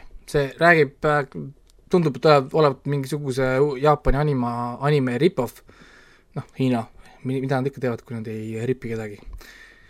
Äh, siis äh, peategelane on Mo Fan või ei, sorry, Fa Mon, Mon Fa ehk siis äh, vaesest peret, perest pärit äh, poiss, kes on maagias lihtsalt for reasons äh, andekas. Läheb mingisugusesse maagiakooli, kukub kirjalikul eksamil läbi, sest ta ei ole õppinud teooriat isa on siis nõus oma maja maha müüma mingisugusele aadlikule, kui ta võtab ta kooli vastu, võtab kooli vastu, ühesõnaga ta saab kooli sisse, kõik norivad, mõnitavad, ahhaa, sa oled mingi vaene rott. Siis neil on see mingisugune eksam, kus neile määratakse element äh, ja siis ta saab omale äh, tuuleelemendi, mis on siis haruldane ja võimas tuli element ja lisaks tulele saab veel kõige haruldasema siis äh, välku või elektrielemendid on siis peale selle, et tal on üks haruldane, tal on kaks haruldast ja need on korraga, mis, mis on siis nagu veel haruldasem. ja muidugi ta maagiliselt õpibki hästi kiiresti, ta on lihtsalt nagu for, for reasons, aga lihtsalt mainin, et ta pole ikkagist nii tugev ja võimas, kui on Rey Star Warsis. ja, ja, ja niimoodi story ongi Burn. ja niimoodi story lähebki, esimese hooaja lõpus ta näitab kõikidele, et tal on tegelikult kak-, kaks äh, elementi, ta mängib nii-öelda nagu kahte karakterit, üks on siis äh, Fa Mon, kes on siis Hunter ja teine on Mon Fa, kes on tavaline kooli, kooli, kooliõpilane ja mitte, mitte keegi ei saa aru. Nagu mitte mm -hmm. keegi ei saa aru, ehk siis nagu tal on see Cl- Clark Kenti disguise mm. -hmm. supervõime. et siis teate, et kui järgmises saates on Boost Raiko, Raiko Boost asemel, siis äh, see on te- uus, uus, uus külaline. jah, siis ma ei tea, kes ta on, me näeme teda esimest korda. täiesti müstiline. ja, ja siis erinevad hooajad, erinevad arkid on väga basic, niisugune väga, väga, väga basic. ütleme, ta tundub olevat sellisena, vaata, et kui keegi näeb mingit la- lahedat Jaapani animet, näiteks mingit Narutot, ja siis mingi kaheteistaastane või kolmeteistaastane sõber proovib seda kopeerida paberi peale kuskil klassis kirjutab ja vot see ongi see stsenaarium. nagu siin ja, ja, ja, väga niisugune basic. aga kui ma hakkasin teda vaatama, ta oli kõrval hea plasta, ta oli, naeratas vahepeal nii loll, tähendab nii halvasti animeeritud, et, et, et isegi Berserki need viimased animatsioonid ei ole nii hullud ja kui te, kui te olete ani-, anime fännid, siis te saate aru, et see võrdlus oli praegu nagu crazy. nii et äh, jah, need vaatasin ära ja siis pulli pärast hakkasin vaatama sellist asja nagu The Leftovers, mis äh, tuli minu siis äh, mm. tähelepanusse ainult sellepärast, et oli selles BBC top kümnes, mis oli kaheksas või üheksas koht mm, -hmm. kui oli läbi aegade kõige parem äh, seriaal, noh nagu see list, mida siis kokku pandi, kus olid Game of Thronesid ja muud asjad. põhjusega, põhjusega. siis esimese kahe episoodi põhjal ma küll ei saa aru, millest nad räägivad. no tund aega see Võib-olla- venib, see venib nagu tatte, mitte midagi ei toimu. ja, ja võib-olla esimese kahe episoodiga ta vist ei müünud veel nii kiiresti maha. ma ei tea, ma ei tea, praegult ma olen küll mega disappointed. Aga noh, kuna nad väidavad, et see on nii hea ja, ja lugesin siis IMDB-st review, sid, sest ma juba mõtlesin, et ma jätan pooleli, siis lugesin, kus inimesed mainisid päris mitmes review's, et varu natukene kannatust, et siis nagu noh, push'i natukene episoode sisse, lase see teha seda build-up või mingi asi ära ja siis hakkab see kogu see nagu stuff siis tööle. ma siis ootan ja olen kannatlik ja vaatan natukene veel edasi, et, et äh, näha Sellel- kas, kas siin siis tuleb see, mida mulle suurelt lubatakse, et see on see üüber võimas, vägev ja mis iganes erinevaid ülivõrdeid seal kasutati seal review des, nii et loodame, et see on siis seda vaatamist väärt. tahaks ainult nii palju mainida, et äh, see oli, see oli mu lemmikseriaal. aga ma olen kolmest hooajast näinud ainult esimest. ai, lemmikseriaal, jah. mingil põhjusel see omal ajal, me Ragnariga koos vaatasime seda esimest hooaega, aga siis ma ei tea. tõenäoliselt elu tuli vahele või midagi sellist. aga, aga, aga mul et mul praegult on ka niimoodi, et noh, tal kolm hooaega vist ongi kokku ja, ja siis ja rohkem ei tule ka, et minu niisugune pakkumine ongi, et siis see Leftoversi nagu see põhjus, miks inimesed ära kadusid. Mul on idee, aga noh, ma ei tea veel, ma pole guugeldanud, ma ei taha guugeldada, sest ma tahan teada, mis tegelikult inimestega juhtus. siis ma siiamaani ei tea, isegi kui ma tean, siis ma ei mäleta enam. ja inimestele siis ütlen ka, kuulajatele, et millest The Leftovers räägib, põhimõtteliselt on lugu kus, kus kohas viis protsenti inimesi kadus kõik ühel ajahetkel korraga maa-, maa-, maailmast ära, ehk siis nii-öelda see Marveli snap, aga mitte viiskümmend, aga viis protsenti, ehk siis see vaese mehe snap. see oli Snap siis enne, kui see oli lahe. jah. ja, ja siis see vaese mehe snap viib ära viis protsenti inimestest täitsa tundub, et valimatult ja random'ilt. oota, kaks protsenti tegelikult. mina ei tea, sa, sa rääkisid viiest selles äh, esimeses kahes episoodis. aa, rääkisid, et äh, üks inimene oli vist viie, ei olnud üks inimene viiekümnest. ei mäleta, ei nad vist ikka ei, viis, ikka, ikka viis protsenti oli ja, ja ikka kõik, kõik on õige, viis protsenti kadus ära äh,. olenevalt nagu kohtadest. Viki väidab, et kaks protsenti. vahet ei ole, ühesõnaga kaks või viis protsenti, ühesõnaga mingi punt inimesi kaob ära. okei, okei. ja, ja, ja siis äh, esimeses paaris episoodis on paar aastat möödas, kolm-neli aastat on möödas sellest intsidendist, osadele kadus terve pere ära, mõnel kadunud üldse ära, noh nagu mitte kedagi perest ära. ja siis teadlased ja asjad on kogu aeg seal telekas seal taustal, kus nagu kõik proovivad välja mõelda, mis selle taga on. erinevad re-, religioonid muidugi väidavad, et nende jumal blablabla ja siis on teadlased, kes ütlevad ausalt, nad, nad ei tea et noh, ja siis muidugi, kuna teadlased ei anna ju kohe maagilist vastust, siis religioonid koguvad populaarsust, sest nemad ütlevad, et jumal tegi. mis on muidugi mm. -hmm. ju noh, jah. jumal karistas, jah. reaalne vastus on ju alati ju millel iganes. või siis vastupidi, jumal võttis enda juurde, et jah, see. ja, ja siis nad uurivad neid erinevad asjad ja siis seal on mitu noh, sideline, üks sideline on siis, kuidas nad käivadki inimeste juures, kellel kadus äh, inimene ära ja siis nad teevad selliseid küsitlusi, täidavad, noh nagu milline see inimene oli, kes ära kadus, millega ta tegeles, mis ta tegi, vanused ja asjad ja noh, proovitakse vaata erinevaid nagu teooriaid. Ja siis seal on erinevad mingid internetilehed, kus inimesed panevad, et oo, et kadusid ära kõik inimesed, kes olid neitsid, süütud. nagu ja siis, ja siis keegi pani ka, et oota, et kolme lapse ema kadus ära. kuidas sa seda seletad? on ju, noh nagu ja, ja niisuguseid erinevaid foorumeid on seal niimoodi, kus inimesed siis kõik viskavad oma mingid, mingid teooriad välja ja siis keegi pani ka, et oota, poo, see paavst kadus ju ka ära, vaata, siis Gary Busey läks minema, ma arvan küll, et Gary, Gary Busey võis olla süütu. ei. ei küsi. see on võimalik, see on võimalik, see on võimalik. siis oli ka, see ei ole võimalik, siis keegi pani have, have, have you seen him? et, et kohe noh, niimoodi pandi nagu puid alla, onju. nii et selles mõttes jah, mul on oma nagu väike mõte käis läbi äh, peast, mis võis põhjuseks olla, aga jah, mul pole õrna aimugi, sest ainult kaks episoodi ja siiamaani väga infot ei ole, lihtsalt siin oli üks huvitav moment, kus ta mainis, kirjeldas seda kadumise nagu momenti ja siis, mis eelnes sellele ennem nagu sama päev, siis ma hakkasin mõtlema, et issand, et kas see saab olla midagi nii lihtsat, ma ei tea. et eh, jah, need vaatasin ära ja ongi kõik, mul rohkem ei ole, selles mõttes ma ei vaadanud filme midagi, ma lihtsalt lõ- lõpetan praegu nagu asju või niisuguseid lühikesi asju vaatan. ja, ja tõenäoliselt siis nüüd siit kuni aasta lõpuni mul ongi enamasti kas uued kinofilmid ja, või nagu mingid suured asjad, et ma aasta lõpuks oleks nii-öelda nagu joone peal, mul jääks asjad pooleli, ma ei lähe uude aastaste pooleli olevat- olevate asjadega ja teine, et ma vaataks ära olulised filmid, ehk siis ma lähen tagasi, hakkan vaatama, mis on need filmid, mis ma peaks kindlasti veel ära vaatama see aasta. noh, mis on juba teiste poolt kõrgelt hinnatud, et ta, muidu on tobe teha aasta lõpus listi, listi neid on palju. ja ja, ja magad nagu maha ja üks film, mis ma homme lähengi vaatama kohe homme hommikul, ongi siis see, see Soho, Soho film, sest teie kiidate seda. eile öösel Sohos. Äh, Lähen siis seda vaatama ja, ja, ja, ja istun siis maskiga kinos ja mis mul siis muud üle jääb ning. ei, homme, homme sa veel ei pea. esmaspäevast peab maskiga okei. kinos olema.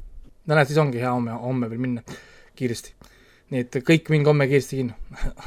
ja ka, ja, ja see. ei, esmaspäeval peab ka kinno minna. ei, ei, see kehtib homme, minge kinno. ükskõik, millal sa kuulad seda praegu, seda saadet, mine homme kinno.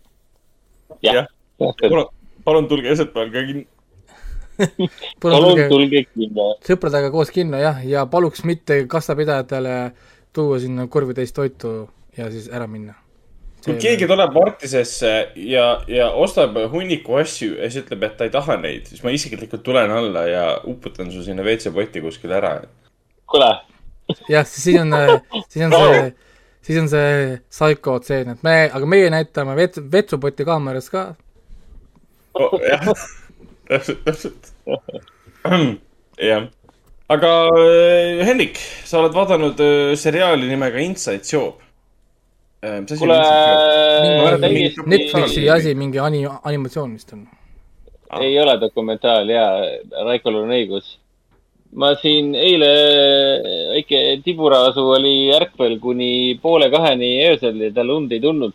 nii et siis äh, ma suigutasin ta unne uue äh, Netflixi, ongi täielikult Netflixi enda animation department'i loodud seriaal mm. -hmm. nimega Inside Job. ja poiss jäi kuskil kakskümmend minutit episood, nagu ikka need animaseriaalid ja kuskil poole pealt jäin magama ära, et sain rahulikult esimese osa lõpuni vaadata, vaatasin ainult ühe osa uh,. miks ma seda vaatasin, oli sellepärast, et noh, Netflix pistab oma äppi ja brauserisse igale poole selle sisse, et noh, vaata nüüd, on äge. Ja vaatasin treilerit ja tundus huvitav, sest see on nagu kontorikomöödia seriaal. aga lihtsalt Kontor X on äh, variorganisatsioon äh,, mis tegeleb absoluutselt kõige sellega äh,, millest on juba tehtud vandenõuteooria. ehk siis see on nagu conspiracy teooriade animated tv show, basically. Lihtsalt oh. see kinni, et see sari nagu Inside Job nagu pealkiri viitab, see on siis komöödiaseriaal, mis kinnitab fakti, et jah, kõik sinu vandenõuteooriad vastavad tõele, seda kontrollib üks kindel grupp inimesi ja nende igapäevatöö on rahvast lollitada. noh, basically, basically that nii-öelda. kuule, aga, aga, aga, aga see kõlab ju päris hästi, sest ma tahaks küll näha, kuidas Zuckerberg ja, ja Gates ja Soros on kontoris kuskil omavahel kõik seal. Vis-, visklevad väikeste beebide veres ju. keetlevad ja päris, päris sellist asja siin ei ole, et siin esimeses osas tegeleti sellise toreda asjadega, asjaga nagu see, et äh, et Ameerika president on äh, idioot ja me- me peame ta välja vahetama äh, roboti vastu, tehisintellekti vastu, sest vähemalt siis me saame teda kontrollida, sest muidu see inimversioon on lihtsalt nii idioot, et, et noh, teda ei saa isegi kontrollida. ja loomulikult lähevad asjad käest ära. aga sari iseenesest on äh, päris kena, sest peategelane on äh, naisteadlane, kes on niisugune pigem antisotsiaalne ja kuri teiste vastu, aga hästi energiline. ja talle seda heidetakse ilmselt ette, et äh, sõltumata sellest, et sa oled geniaalne äh,, sa ei saa teistega üldse läbi äh,. ja, ja tänu sellele tuleb mängu üks mingi eriti nägus äh, no ütleme nii, et nõdra, nõdrameelne värske nekrut nii-öelda, kes tuuakse sinna ainult siis, ma ei tea, hea, hea näo tegemiseks nii-öelda. et siis teised meeskonnaliikmed tunneksid ennast hästi, et keegi tahab nendega suhelda ja keegi toob hommikuti pontsikuid ja midagi sellist. samal ajal kui meie naisteadlane on umbes selline, et ma siin tegin ai ja ma olen äh, master of the world. noh, selline keskne konflikt on siis sisse toodud. aga küllaltki tore oli kenasti animeeritud, meenutas, ütleme meenutas, meenutas veits Keepot äh,, Keep and Days of Wonder Beast'i animatsiooni poolest oota, et on Gravity Fallsi loojate tehtud, ma ei ole Gravity Fallsi kunagi vaadanud. üks produtsentidest on Gravity Fallsi looja ja sarja enda looja on äh, nimi, mida ma enam ei mäleta. Shion Takeuchi. jah, ja ta ei ole, ta on, ütleme niimoodi, et ta on nii tundmatu, et tal ei ole isegi Facebooki, mitte Facebooki, vaid Vikipeedia lehekülge. see on natukene kummaline. aga tal on Äh, IMDB lehekülg.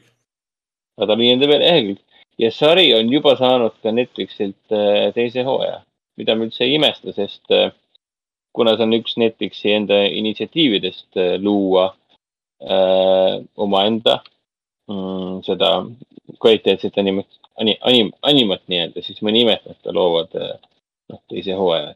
sa ei cancelda ju omaenda lo- loodud seriaale ja nii edasi. Äh, aga küllaltki naljakas, tore, mõnus. seesama Dion äh, Takeuchi, kes selle sarja looja on, on siin ka olnud äh, Gravity Fallsi peal ju stsenarist isegi. Disenchantmenti ka.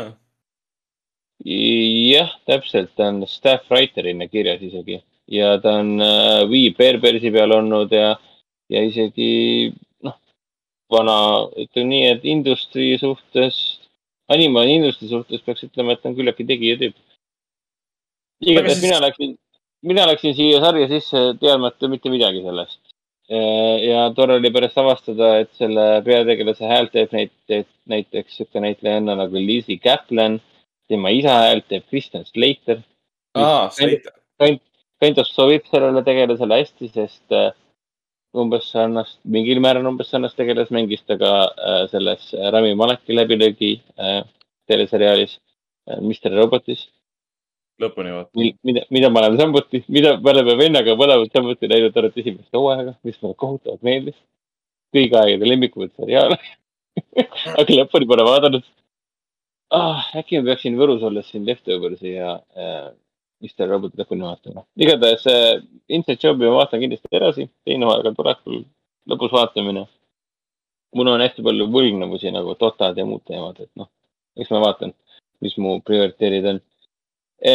Siis e, Superstory vaatan jätkuvalt e,, olen jõudnud neljandasse, neljandasse hooaega.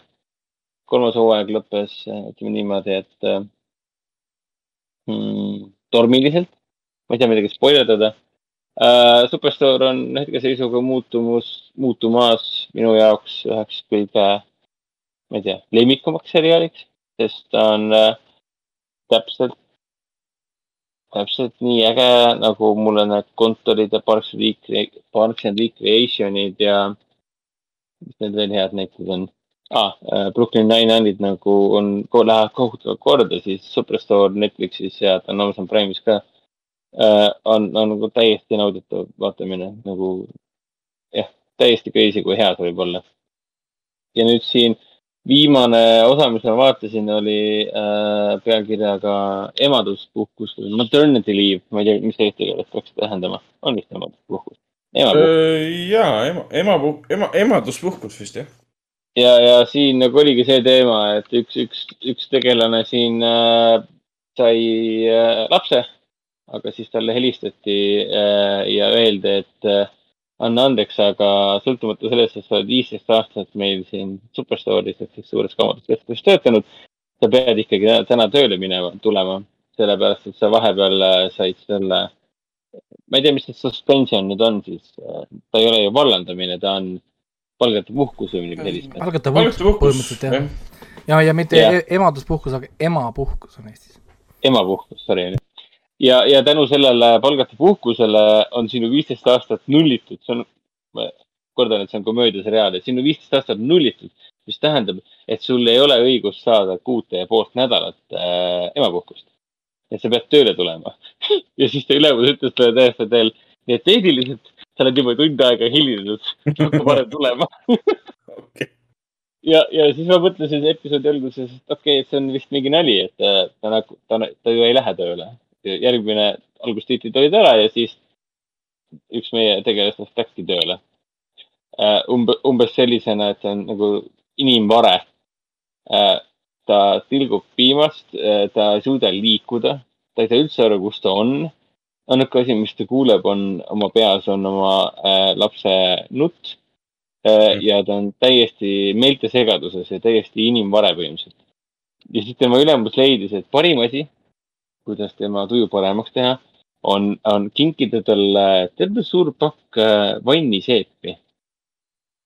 ja mille peale see tegelane kostis, et kas sa tõesti arvad, et minu praeguseid probleeme suudab lahendada vanniseep või? ja siis ülemus kostis, et jaa, miks mitte ja siis äh, see, see on naljakas seriaal, aga siis see episood oli esimene kord, kui see seriaal läks nagu väga nagu, nagu tumedaks nii-öelda või jõhkraks koguni, hästi tõsiseks, ütleme surmtõsiseks, kus see tegelane ütles nagu äh, poolnuttes, et äh, palun mine tapa ära ennast. mille peale ülemus olid täiesti ehmunud selle peale. ja siis muidugi ta rääkis selle suure jutu seal ära, et äh, mis mõttes ma olen sunnitud tööl käima. kui ma tööl ei käi, siis ei saa ma ju lapse jaoks isegi mähkusid osta ja nii edasi, nii edasi, nii edasi. et see on Ameerika, ma pean kõike ju ostma, midagi ise teha ei saa, ma pean kõik ostma igalt poolt ja nii edasi. ja siis ta kaks korda ütles oma ülemusele, et mine palun tapa ära ennast, et see oli päris jõhker, ma esimene kord selle kuu, kuus aega kestab, siis neljanda hooaja alguses olime. et kus avastad, et su lemmikkomöödiaseriaal on järsku muutunud nagu jõhkralt tõsiseks. see oli üllatav, et see oli esmakordselt, kui see sari nagu üllatas selle koha pealt, et ta võttis mingi, ma ei tea, seisukoha võib vist nii öelda. ja see üks äh, tegelastest reaalselt oli ka samal ajal äh, rase muidugi mm -hmm. ma ütlen seda kahtlevalt sellepärast, et ma pole siiamaani viitsinud kontrollida, kas see näitleja oli selle, selle rase või mitte. meile lihtsalt tundub, et oli seda. see on see Võru elu, sa tuled lõunasse, su lihased muutuvad tšilliks, su mõistus läheb laisaks ja sa ei viitsi isegi guugeldada enam asju, mis võiksid, mida sa võiksid juba teada. kõlab nagu mingi suurema asja sümptom. jah, ma olen seda ise ka täheldanud, mul ei tule enam asjad meelde no enne oli, kui sa ütlesid American Psycho, siis ma, siis ma mõtlesin reaalselt, kuule, aga see on vist see American huh, Pie või mis seal lõpus oli ei tulnud meelde no see hetk, kui, kui, kui Hendrik ajab segamini American Pie ja American Psycho. jah, sest need on ju põhimõtteliselt üks-ühele filmid. ei, ma ei mõtle, ma ei mõtle filme, ma mõtlen nagu seda pealkirja, et ma, ma teadsin, mis filmi ma mõtlen, aga ma ei suutnud Americanile järgnevat sõna välja mõelda. kuigi ma tean, mida ma mõtlen. mis on nagu veider. see on vist on jah, ma pean rohkem raamatuid lugema või midagi. aa, või siis nagu selles Squid Game'is see vanamees luges numbreid, mängijate numbreid. ma pean hakkama sama tegema. et kui tänaval lapsega jalutades loe inimesi kokku või ma neid näen tänaval. Aiko vaat-, vaatab mind praegu siukse pilguga. okei okay. ähm,, aga siis äh, mul on siin äh, kolm filmi, millest kahte on ka Ragnar näinud, nii et ma räägiksin siis ainult ühest nendest praegu üksinda. ehk siis filmi nimi on äh, Ride Your Wave, mida saab näha äh, kinoartises äh, Jahvil. Ma ei ole kindel, kas enam vist ei saa nüüd, ma, oota, ma enam saab alates jah, saab läbi juba ju äh, Laine Harjal on selle nimi, viimane seanss oli kakskümmend seitse oktoober ja täna on juba kolmkümmend. täna on kolm, jah, rohkem ei ole jah. äh, pühapäeval saab jah läbi äh,. Laine Harjal ehk siis Raider Wave on äh, ütleme niimoodi, et kui sulle meeldib äh, Makoto Shinkai filmid ja Momaru Hosoda filmid ehk siis filmid stiilis nagu äh, Weathering with you ja Your name äh, ja siis äh, Wolf Children, Ame ja Yuki äh,, siis äh, Laine Harjal on täpselt selline, mis äh, tõmbas su sisse ära, paneb tegelasi armastama äh,, purustab su südame, paneb su nutma ja, ja paneb sinna seda maagilist realismi ja fantaasiat sisse, et sa tunneksid ennast jälle inimesena. nii et äh, ma ei tea, täitsa suurepärane, suurepärane emotsionaalne fantaasia anime. ma olin, ma olin väga liigutatud äh, ja väga teistsugune, üle pika aja natuke teistsugusem äh, anime stiil ka, eriti just tegelaste disaini poolest, et nad on, näevad nagu Nad, nad, mis puudutab animefilme, ütleme niimoodi, et ma väga pikalt ei taha animest rääkida, sest muidu juba hästi hakkab Raiko minu poole vaatama, ütlema, et mm,.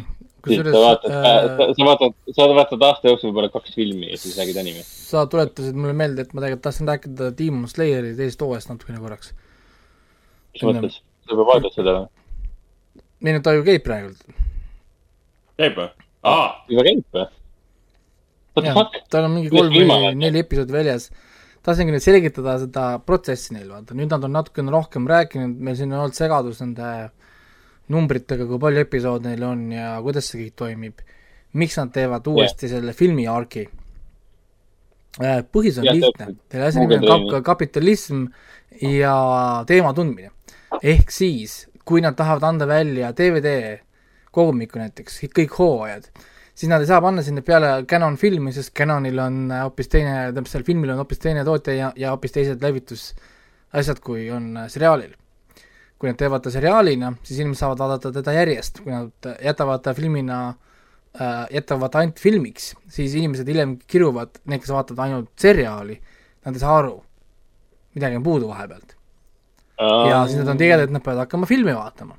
ja see on tegelikult, ma olen nõus sellega, see on animes täitsa tavaline probleem kui sa vaatad näiteks sarja, siis sa avastad, et sul on, ma ei tea, viisteist Naruto filmi, sul pole õrna aimugi, mis järjekorras neid vaadata peaks, millal peaks vaatama äh,, kuhu nad sobivad, siis äh, nendel on lihtsam see, uuesti see film tükkideks võtta, natukene content'i lisada ja panna ta sarjale juurde ehk siis inimene, kes vaatab järjest, mingi hetk tuleb seda, hakkab vaatama, näiteks täna kuul otsustab, et hakkab vaatama, siis ta lihtsalt tuleb järjest, vaatab ära esimese hooaja episood, ma ei tea, kakskümmend kuus, ja läheb kohe mm. episood kaks, tähendab see season kaks, episood üks ja kõik on fine. tal ei ole puudu mitte midagi. ehk siis nad selgitasid seda seitsme episoodilist äh, Demon Slayeri niisugust äh, ekstra arki siis nad endiselt ei ole öelnud seda maksimum lõppnumbrit ja kus maalt nad seda lugema hakkavad. ehk, ehk siis selle kohta kahjuks ei ole hetkel veel noh, nagu lõplikku vastust, kas on tõepoolest niimoodi, et need seitse episoodi lähevad teise hooaja lõppnumbrite arvestusse, mis oleks natukene nagu nonsense minu arvates, sest teil on olnud kaks aastat mingi unlimited budget ja, ja siis tahate öelda, et see seitse episoodi, mis te juba filmina tegite, läheb ka sinna sisse veel, siis tunduks nagu veider.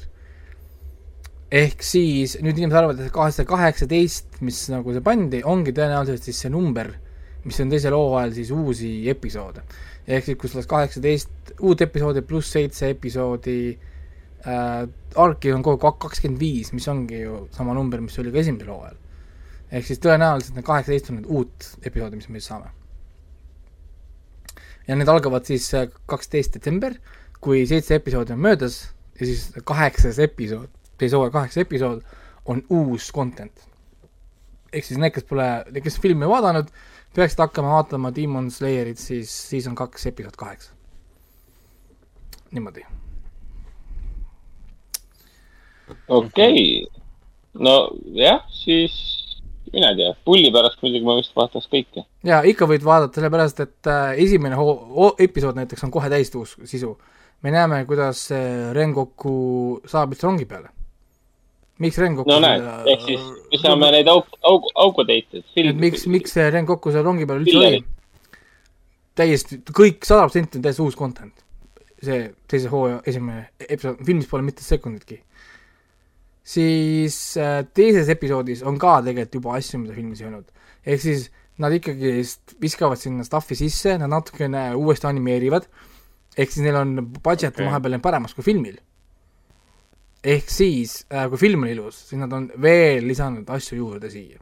ehk siis see on nagu nii-öelda remake, remaster nägemus Mugen Traini filmist. et nad võtsid nagu vist Mugen Traini, siis lõika tükeldasid ta nagu ära yeah., hakkasid vaatama, et kuulge, et meil on siit teist-kolmandat puudu ja siis panid mingi tiimi või kellegi, et kuulge, näed äh,, kirjuta mulle juurde umbes, kuidas need kokku siia jõudis äh,, sina animeeri, näed mulle siia ekstra mingi kolm minutit äh,, ma ei tea, fight'i, sina pane mulle siia episoodi juurde rohkem äh, see, see, pane mulle see nitsut siia juurde natukene, on ju, et nad saad aru, noh nagu ja niimoodi nad tegid siis need seitse episoodi, ehk siis isegi kui film on nähtud, täitsa vabalt võid vaadata uuesti, muusikat on natuke muudetud äh,, sest äh, ühes kohas ma saan aru, et filmi muusikalitsents ei, ei, ei lähe neile sarjale ja nii edasi. okei okay.. Väga huvitav nägemus küll, ma arvasin ikka, et tuleb tavaline teine hooaeg ja nii edasi, aga nad ju. aga ei, nüüd ma saan nagu aru ja see on tegelikult anime puhul olnud küll, see oli ka Attack on Titanitel ja asjadel, kui, kui sa teed selle filmi, mis on canon film või noh, nagu main storyline'iga film, siis inimestel on küll hiljem tagantjärgi, kui, kui sa hakkad nagu püüdma kinni inimesi, kes on vaadanud kogu aeg, sul on suur segadus nendega, mida sa nende filmidega nagu tegema pead. Millal vaatama, kus mm. -hmm. kohast ja filmid levivad alati teistmoodi kui seriaalid. filme on raskem kätte saada kui seriaale. Mhm, seda küll. ja, ja, ja siis see produtsent kirjutaski, et nad ei taha seda ja nad tahavad, et oleks nii-öelda nagu üks tükk või üks nagu protsess, mida neil on, nagu ta ütleski toorelt, mida meil on hiljem hea müüa sulle täispikkuse kogumiku nagu Demon Slayer on läbi. sest Demon Slayer on läbi. Saad aru, ennem esimest hooaega juba Demon Slayer oli läbi, ta on lõpus, kui kes tahab teada, mis Demon Slayeris juhtub, võtke manga hetke. sa võite lugeda lõpuni ära. terve Tanjiro teekonna, kõik on olemas. ehk siis nad juba teavad täpselt, mitu hooaega neil tuleb, nad teavad juba, mitu episoodi neil tuleb, meil on kõik asjad juba ju kuskil po- äh,, whiteboard'i peal kuskil, kuskil, kuskil kirjas. nii et jah, nad, nad planeerivad pikalt ette. Ja loevad oma vähemalt vähemalt hea teada, et päris tühi vaatamine ei ole selles suhtes. ja, ja ei mul praegu, kui sa mainisid seda animet, siis mul tuli see meelde, et ma tegelikult tahtsin seda juba eelmine saa- saa- saade rääkida. aga, aga mul ka, et mul on siin kakskümmend viis märkmikku ja kui ma kelle peale kirjutan midagi, siis äh, ma ikka kaotan selle info ära. ja, ja sellega tuli lihtsalt, lihtsalt meelde, nii et äh, segasin vahele jah, võtsin, võtsin sinult äh, Akira ei, sa ei seganud, ei seganud vahele. me siis rääkisime praegu Rider Wave'ist ja nüüd Raiko rääkis täpsemalt Demon Slayeri eh, teisest, teisest hooajast.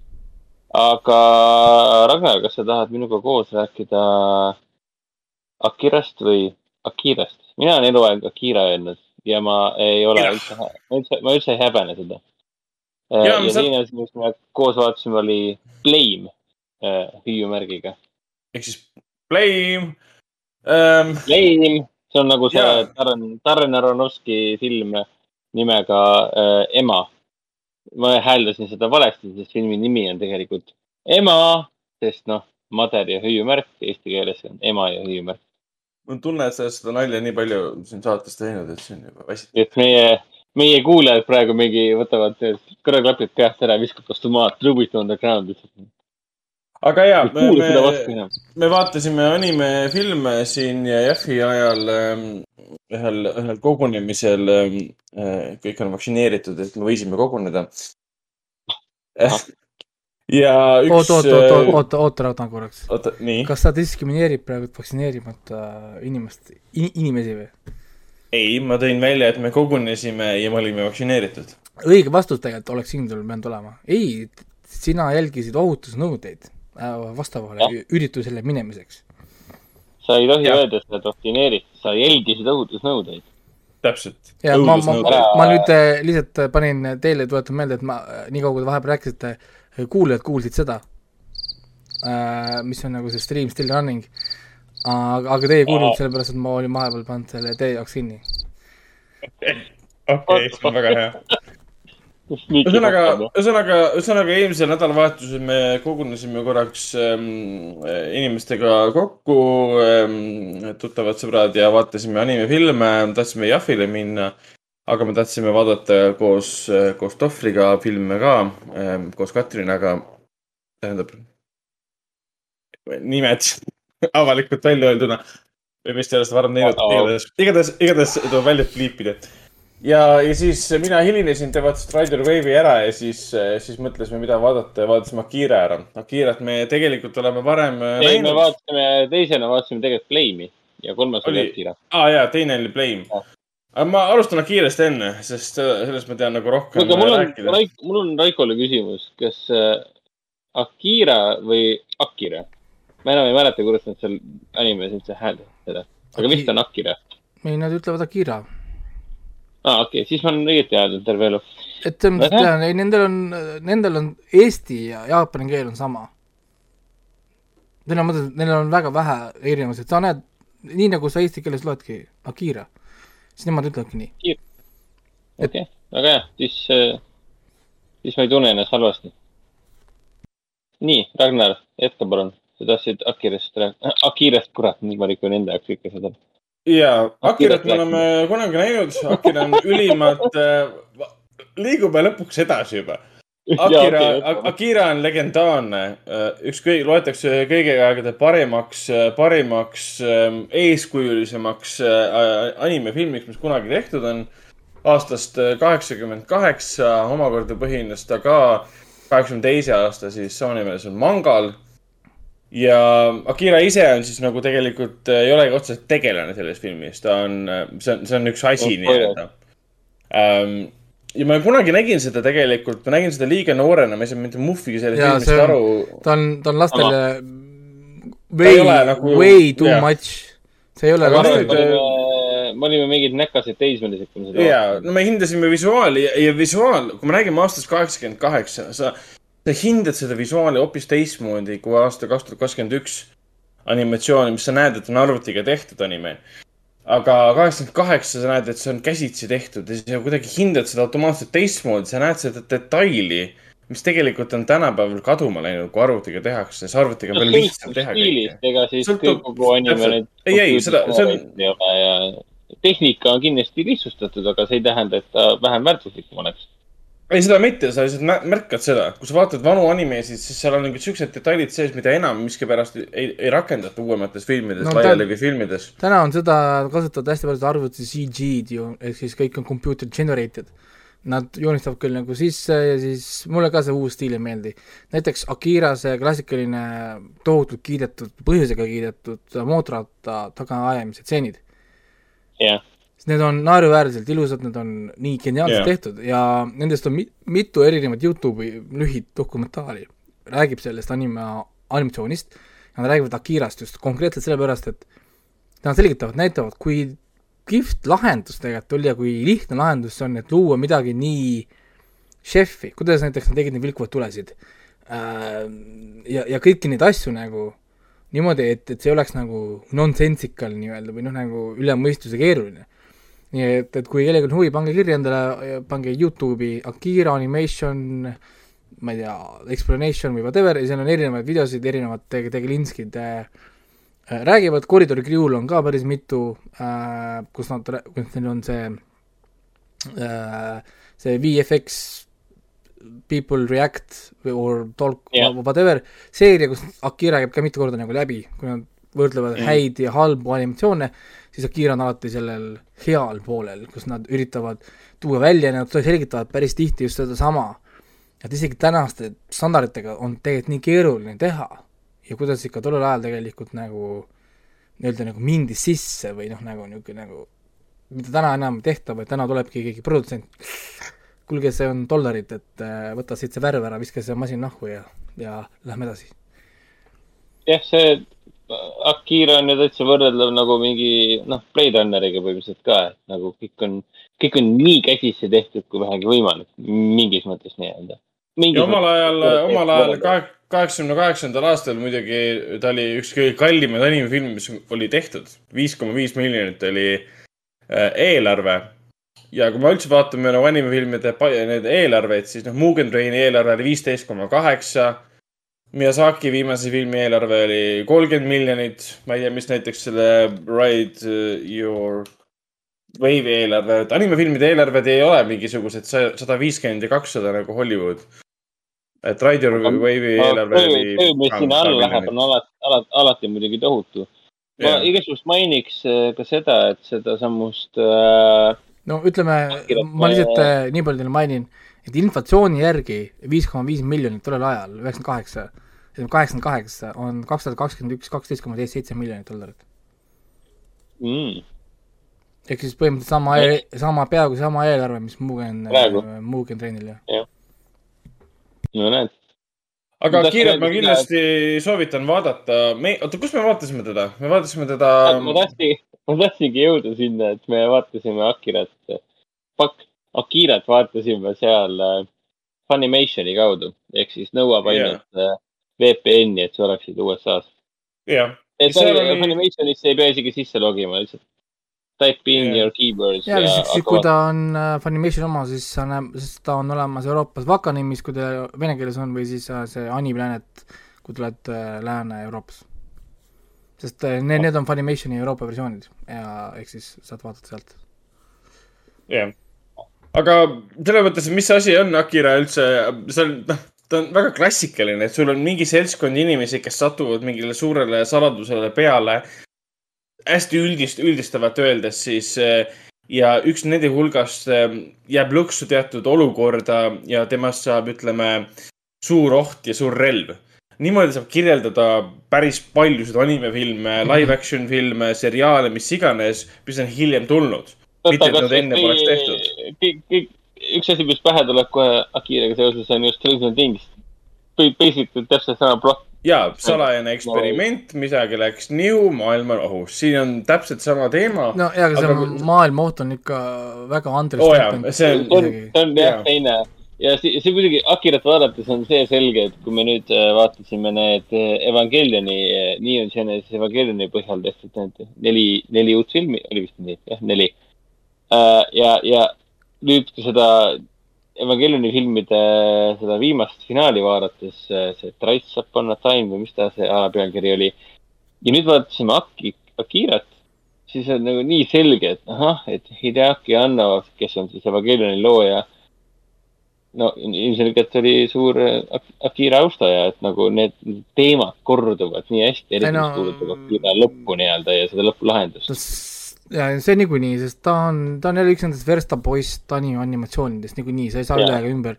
aga kui sul ongi ala, noh, keegi pole üllatunud, et oo, ma olen, mulle meeldib, ma ei tea, Howling's Move Cast, mis see Moving Castle või mulle meeldib My Neighbor Totoro, kõigil on uh, no shit, on ju, või keegi tuleb, et Oh, oo, minu, minu lemmik ani-, animatsioon on Spirited Away, siis nagu ahah, okei okay.. jah, ja mulle meeldib hingamine, et jah, mis see et, on. noh, millest sa nagu räägid, et siis Akira on seal listis, on ju, see, seesama see, see Mm. Kas või Evangelioni need stuff'id või ala, ma, ma vaatan animet, ma olen vaadanud Dragon Balli, siis on aga uh, okei nagu okay., oh, oh.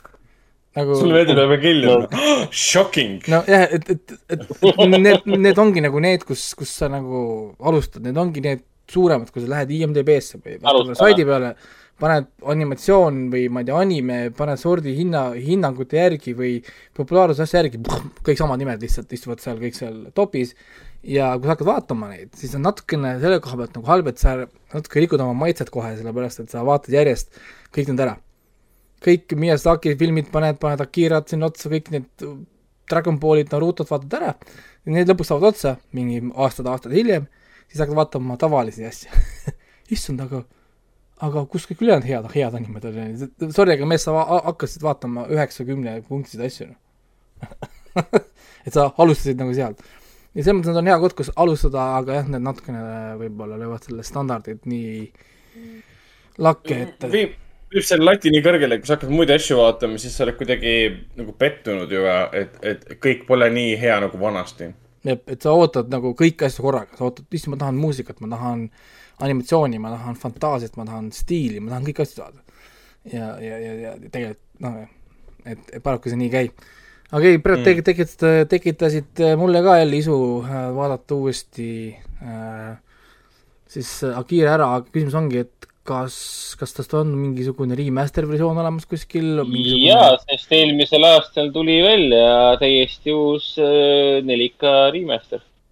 Nii et Vau, äh, 4K Akira on täiesti, jah, 4K on uuesti välja antud, ei ole mingit probleemi. sellega ma hakkan kas siis ta seal äh, guugeldama Funimationis oli ka 4K versioon, seal oli mingi tuhat kaheksakümmend B. ma arvan, et ei ole uh,, Funimation ei paku Äh, jah. 4K asju, nii palju, kui ma olen kus vaadanud. seda, kus seda 4K-d vaadata saab Akiras, seda ma ei tea muidugi, seda ma ei oska sulle öelda. aga noh, ta on saadaval, ta on täiesti kättesaadav. On jaa, Akira 4K Blu-ray special limited edition nelikümmend viis dollarit. on siis, ei vabandust, viiskümmend kolm dollarit on siis Amazonis.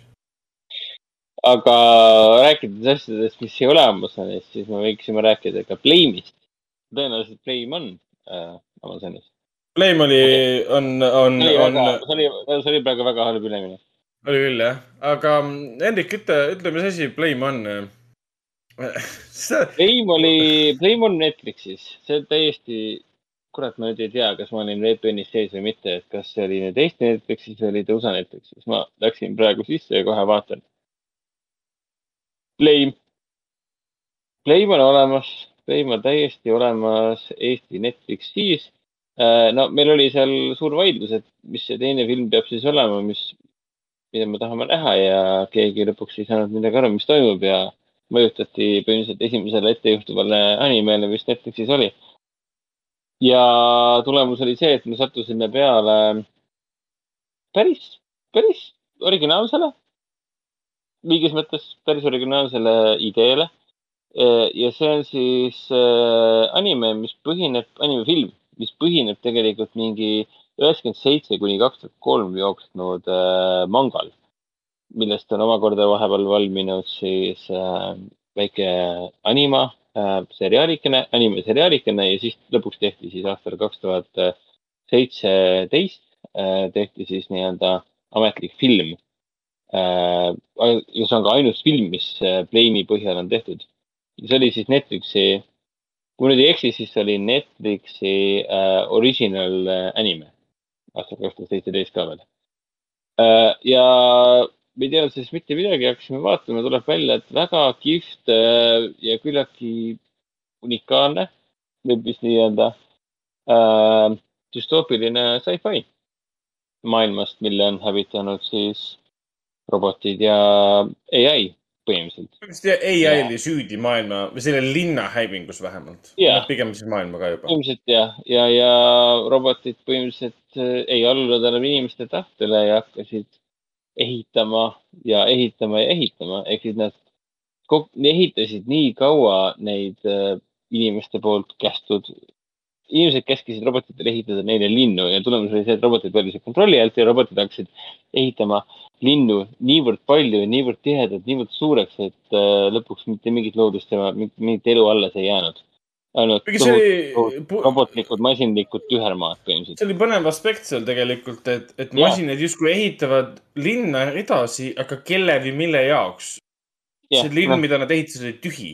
ehk siis neil oli, ai ütles neile, et te peate ehitama ja masinad tegid seda. aga seal masinad ei elanud, nad ei kasutanud seda ühelgi praktilisel eesmärgil. lihtsalt see kasvas ja kasvas ja kasvas, kuni vana linn, mis, kus kunagi inimesed elasid, oli kuskile kaugele, kaugele, kaugele sügavale jäänud. ja, ja noh, klassika oli see, et äh, meil on siin äh, salapärase minevikuga tegelane, kes ilmub lampi välja, väidab, et ta on tulnud kuskilt äh, äh, alumistest tasanditest, mis pole inimeste üksikute ellujäänud, üksik ellujäänud inimeste grupp, kes arvab, et see pole võimalik, et on kuskilt alumistest tasanditest pärit, sest noh, see robotlinn on tohutu suur ja tohutu paks, tohutu tihe, et see pole võimalik. sest inimene muutus pärast seda, kui robotid muutusid äh, või ai muutus äh, iseteadlikuks või eneseteadlikuks, siis äh, inimene määrati äh, kahjuriks äh,, immigrandiks Eh, ta ei kuulu siia linna, et kui robotid näevad inimest, siis ta hävitatakse, sest ta ei ole selle linna elanik. see on lihtsalt direktiiv, on kõik, rohkem mingit põhjendust ei ole. ja siis koos selle salapärase uue tegelasega eh, üksik eh, ellujäänute grupp leiab, et eh, on, et neil on võimalus lahendada see saladus, mis pani robotid niivõrd kiiresti seda linna ehitama. noh, kogu maailma linnu nii-öelda ja neil on võimalus või võimalik on, neil on võimalus taastada see endine inimestele kuulunud äh, kontroll robotite üle. kas ja kuidas see neil võimalik on? et noh, no ideeliselt noh, idee ise minu jaoks on täielik klišee, et noh, jah, robotid hakkasid meile vastu ja mm. Mhm. kaotasid kontrolli, et see ei ole midagi huvitavat. aga huvitav on see, selle, vähemalt selle anime filmi põhjal on see, et äh, täiesti, kui sulle sci-fi, düstoopiline sci-fi anime meeldib, siis äh, võta kohe Netflixist ette. pluss see ei ole veel ka täiesti klassikaline anime, ta on ju see, ta on niisugune, kuidas seda öelda, pooleldi äh, CGI anime või? Seal on hea nagu action, action stseenid on väga selged. kas see on see cel-shaded anime või midagi sellist, ma ei oska päris- päris täpselt seda kirjeldada. ei oska seda niimoodi hinnata. see, nad kasutavad äh, videomängude engine'id, et äh, jah, täpselt, seda ta meenutaski. äh, Nad renderdavad äh, neid äh,, ühesõnaga mingit selline videomängude engine itega. ja siis mm. -hmm. need 2D stseenid on tegelikult 3D äh, mudelid, mis on loodud siis a la kas Unity'sse või Unreal Engine'isse ja siis mm Mhm. -hmm. nii-öelda nagu nad lavastavad siis nagu 2D stseeni nagu 3D mudelitega, sellepärast nad näevad niisugused nagu vaata välja. ja see annab siis lavastajale võimalusegi teha nagu videomängulisi cutscene'i stuff'i, liigutada ümber karakteri näiteks, sest tegelikult see on 3D keskkond. et nii, jah, täpselt, täpselt selline, ta enam-vähem välja nägigi, et äh, aga no idee on äh, noh, küll igav minu jaoks vähemalt, ma ei tea, kuidas Agariga on, aga, aga lugu arenes tegelikult põnevalt, intrigeerivalt äh,. ootamatud pöörded, neid oli, neid oli ja neid oli palju pigem äh,. ja lugu lõppes ikka suure cliffhangeriga. nii et äh, mul on Netflixile küsimus, et kus mu, kus mu järjed on. see animefilm oli aastast kaks tuhat seitseteist. et miks ma ei saanud samal õhtul vaadata selle filmi järgi nagu Blame two või, või Blame äh, hüüumärk kaks või TOO, et noh, whatever.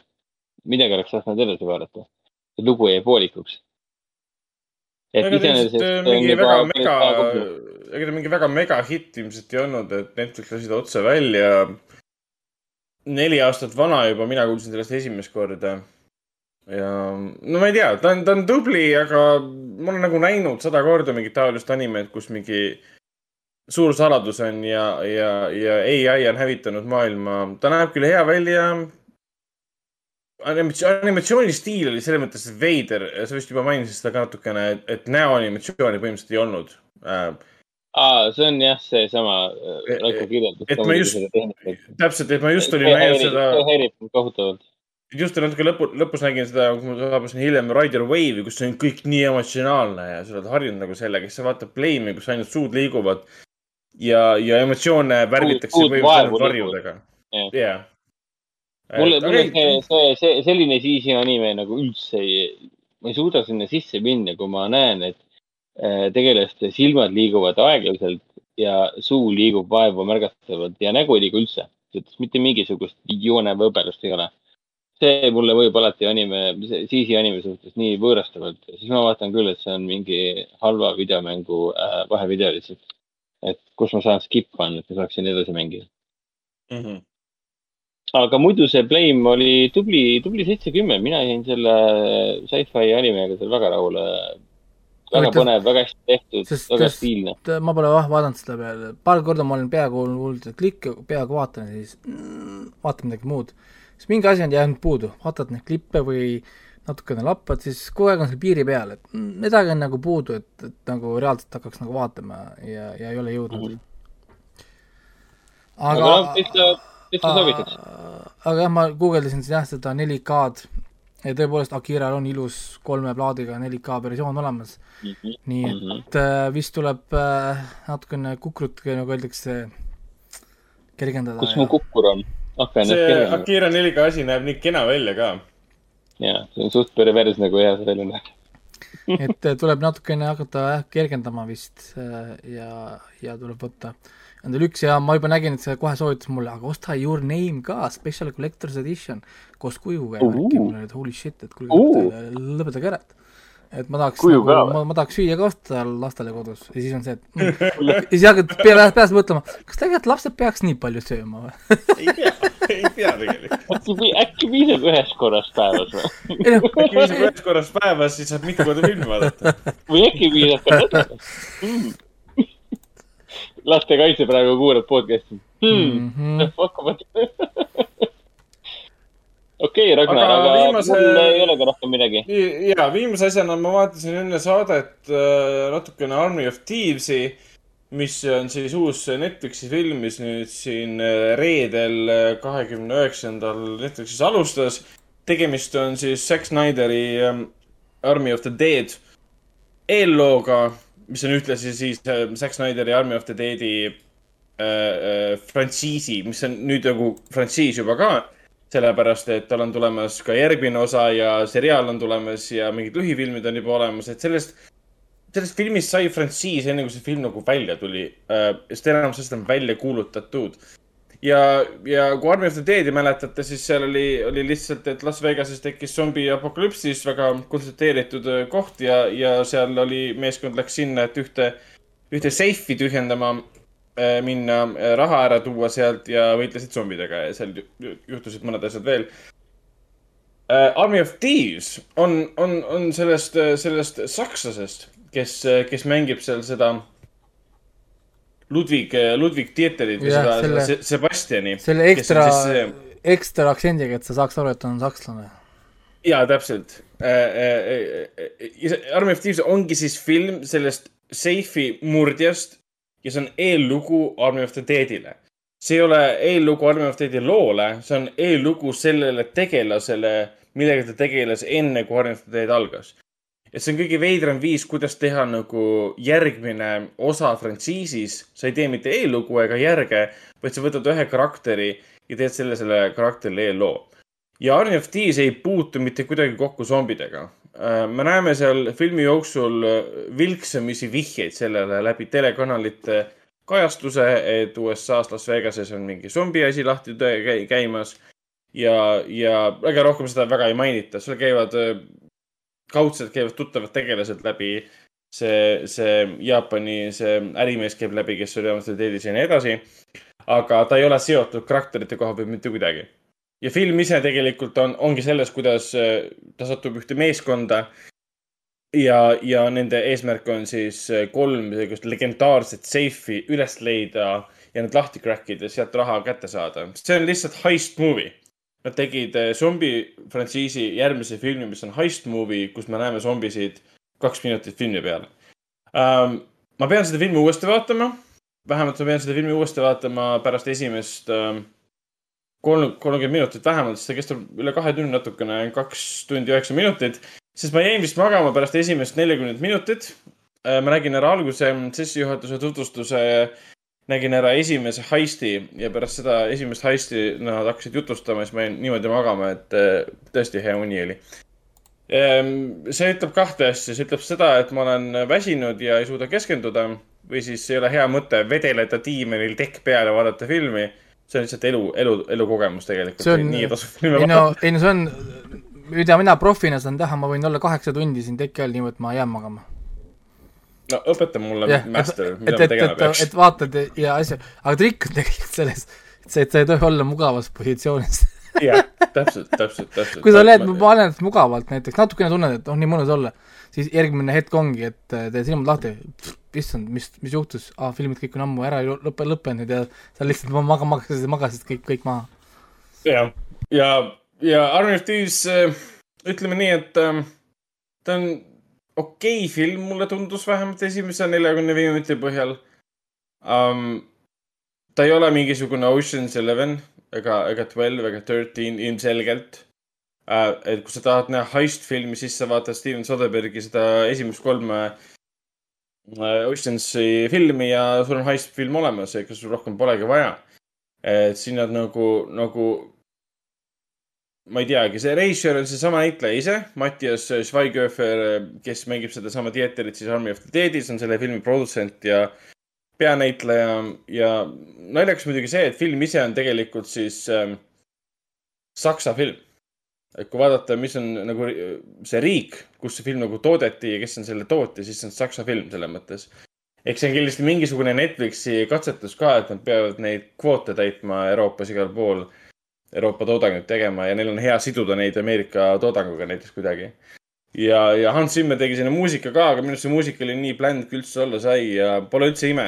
ei no ta võttis mingid sample'id, mis tal on kuskil kaustas Ei, seisnud ja müüs need maha lihtsalt, tegi rahaks ära, ma arvan.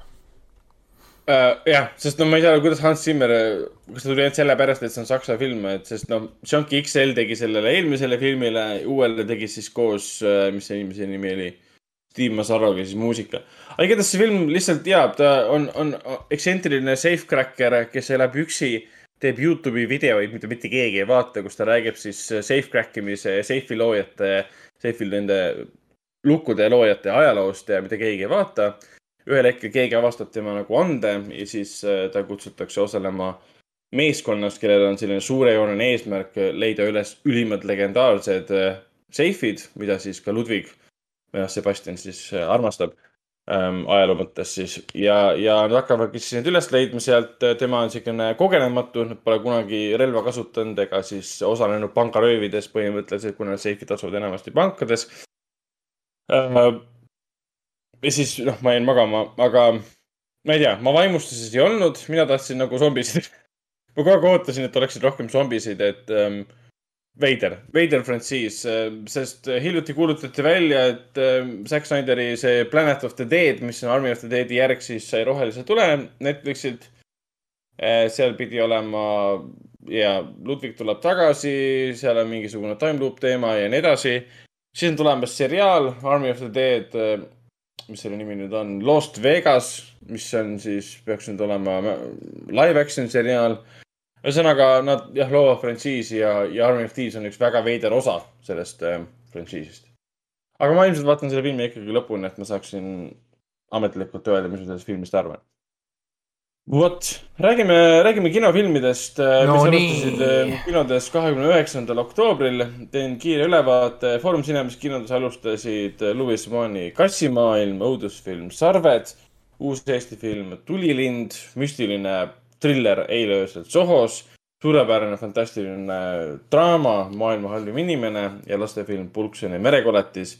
Artises samamoodi alustasid Lu- Louis Mani Kassimaailm, Claire Foy ja siis äh, Benedict Cumberbatchiga, siis samamoodi Peeter Rebase draama Tulilind, samamoodi Edgar Wrighti äh, müstiline thriller Eile öösel Sohos. Ja siis ka Joachim Trieri draama Maailma halvim inimene ja siis lastefilm Pulkseni merekoletis ning äh, Ärkamine, Awaken, mis paar aastat tagasi oli PÖFFi avafilm. see on selline, kuidas nüüd, Ron Fricke, Baraka, mis see teine film oli, Baraka ja, igatahes Ron Fricke Baraka stiilis äh, maailma dokumentaal, kus me näeme siis maailma parimate kaameratega jäädvustatud äh, maailma kultuuri ja, ja loodust, vahelduseks midagi täiesti teistsugust aga millest me pikemalt räägime, nendeks on filmid Eile öösel Sohos, Tulilind, Sarved ja ma võin natuke rääkida ärkamisest ka.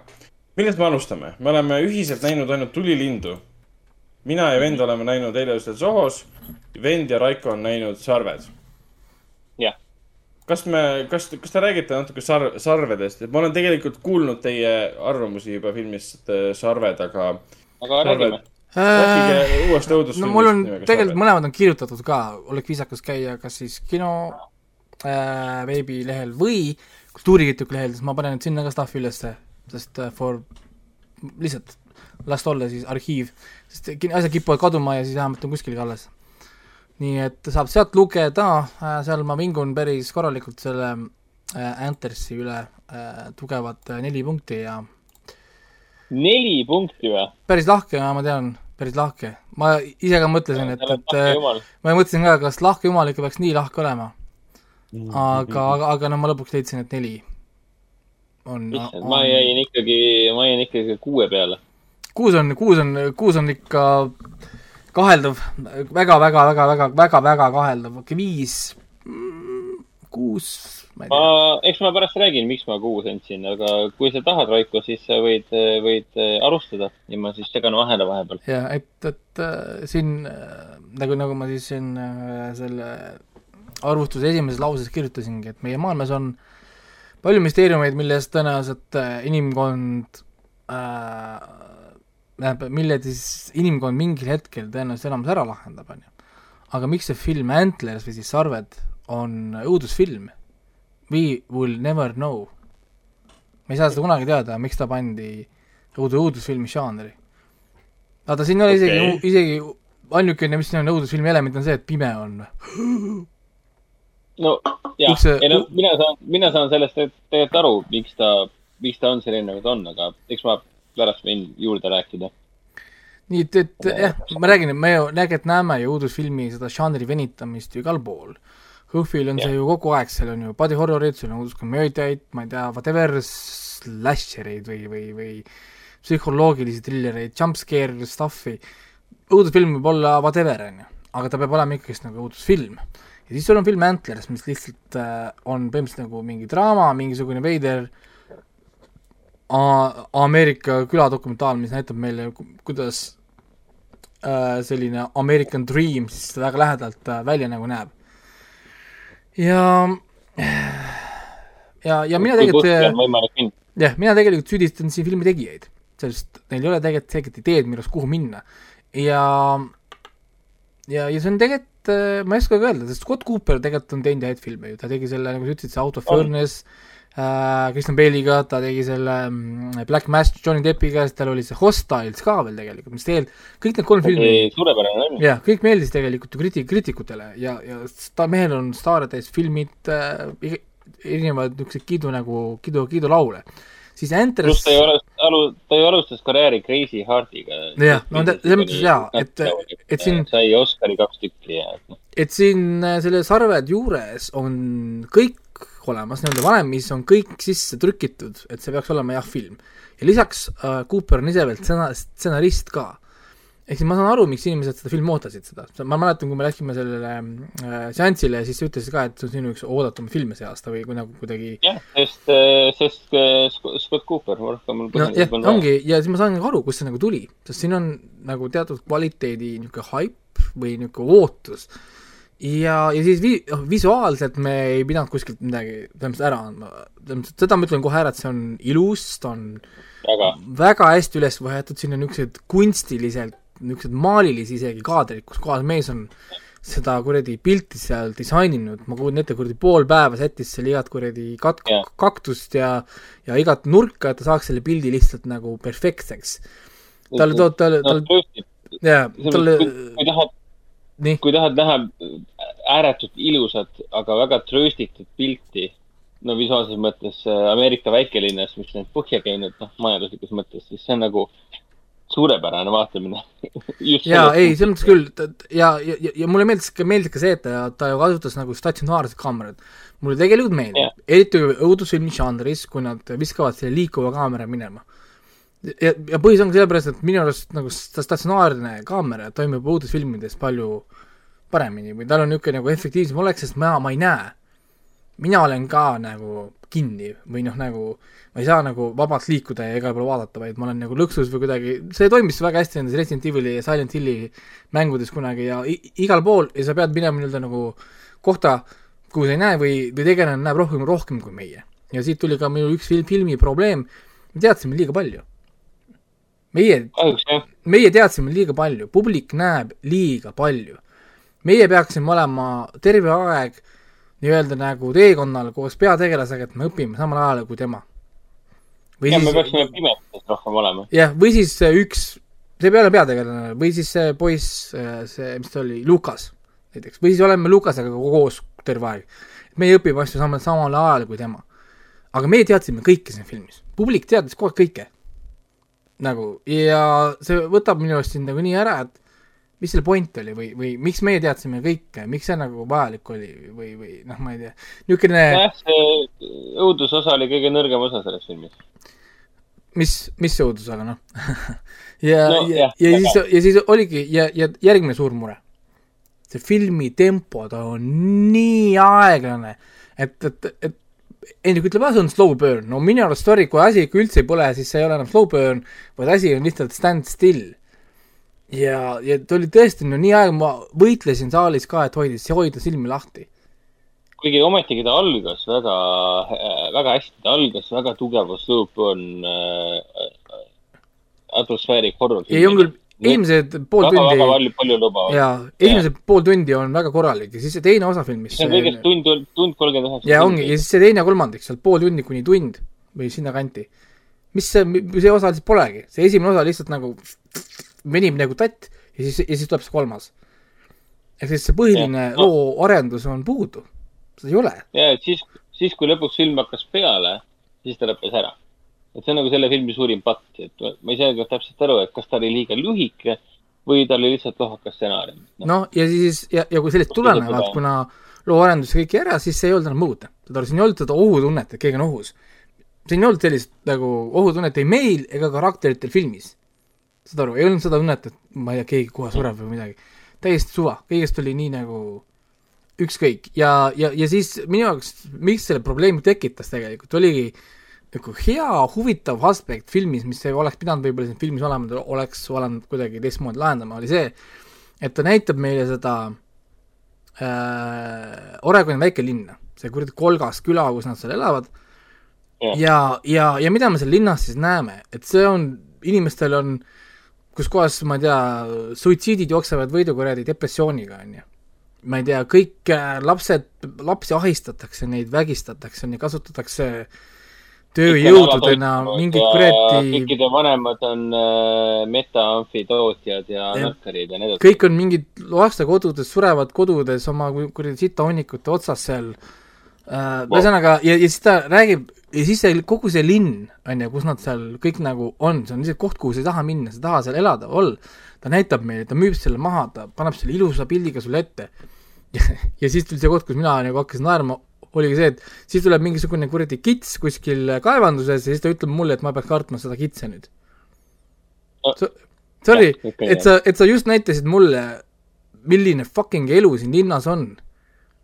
mingisugune mees just, ma ei tea, nutab seal külili oma, oma tütre voodi peal ja siis ahistab seda tütart ja paneb ta põranda alla kinni. ja siis sa tuled, vaatad, et vaata, seal on, seal on hirmus kits. ahah, selge, ma, ma arvan ka, et see on hirmus, on ju. ja, et siin oligi nagu see mingi veider dissonants, on see vist õige sõna või? jah, dissonants.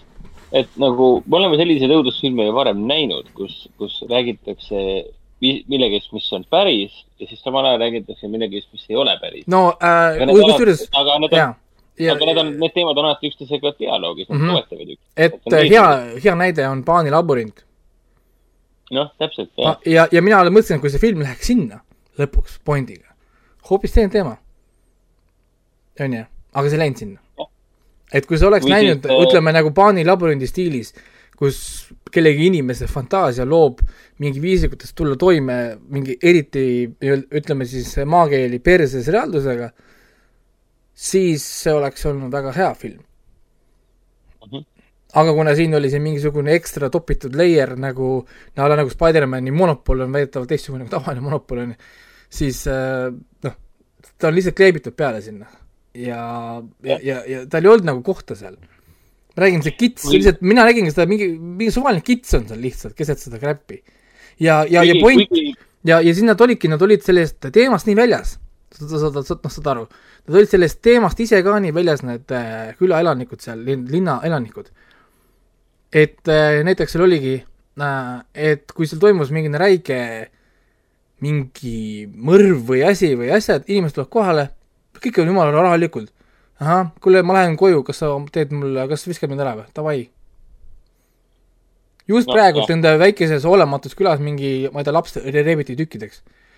ahah, kuule, aga sa lähed koju või? Davai, viskad mind ära või? ja ongi kõik. lihtsalt nagu noh, ah, what, mis asja nagu, täiesti crazy, nii, nii nagu veider.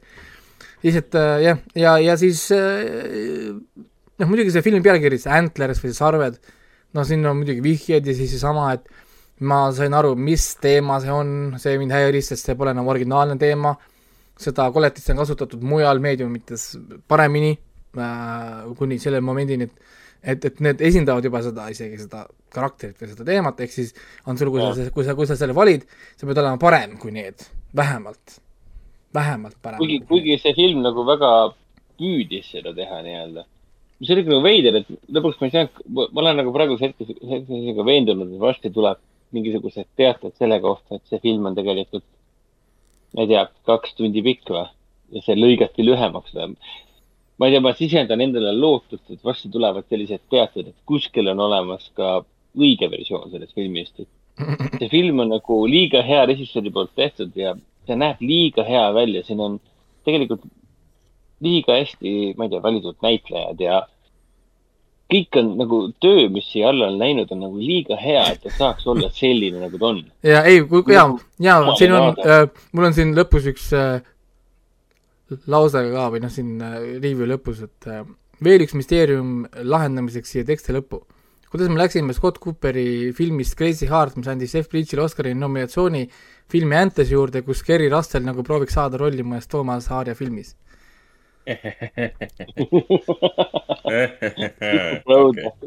õudne, asi ikka, mida öelda. et äh, jah, rääkides sellest äh, Kerry Russellist siis. no nii äh,, jah äh,, ütleme siis, ma, ma siis tõin siis välja, et filmi kõige parem näitleja või ütleme, suur positiivne pluss või üld- mis iganes viisil sa vaadata positiivne osa filmist, on see näitleja siis Jeremy T. Thomas, see kaheteistaastane Lukase rollis Jah. olev poiss. See näitleb siin, nagu, nagu ma siis kirjutasin siia, et kui äh, Felicity, kunagine nimistaar Kerry Russell on mõttelplatsile ära eksinud ja võib-olla tänaseni ei leia oma tuima näoga sealt väljapääsu, siis äh, väikene noor Toomas oma stseenides ikka rokkis, tal olid ikka rasked stseenid, väga veidrad, väga mustad, tumedad äh, asjad ja crazy. väga raske roll ja väga raske teema üldse, mis seda väikest poissi, no selle, just sellepärast ma soovitaski tegelikult seda filmi pigem vaadata. visuaalsuse pärast ja noh, visuaalist stiili pärast ja mismoodi ta seda väikelinna kujutab. muidugi just nimelt selle väikse eh, lapsnäitleja pärast. ta teeb Jaa. nii head tööd.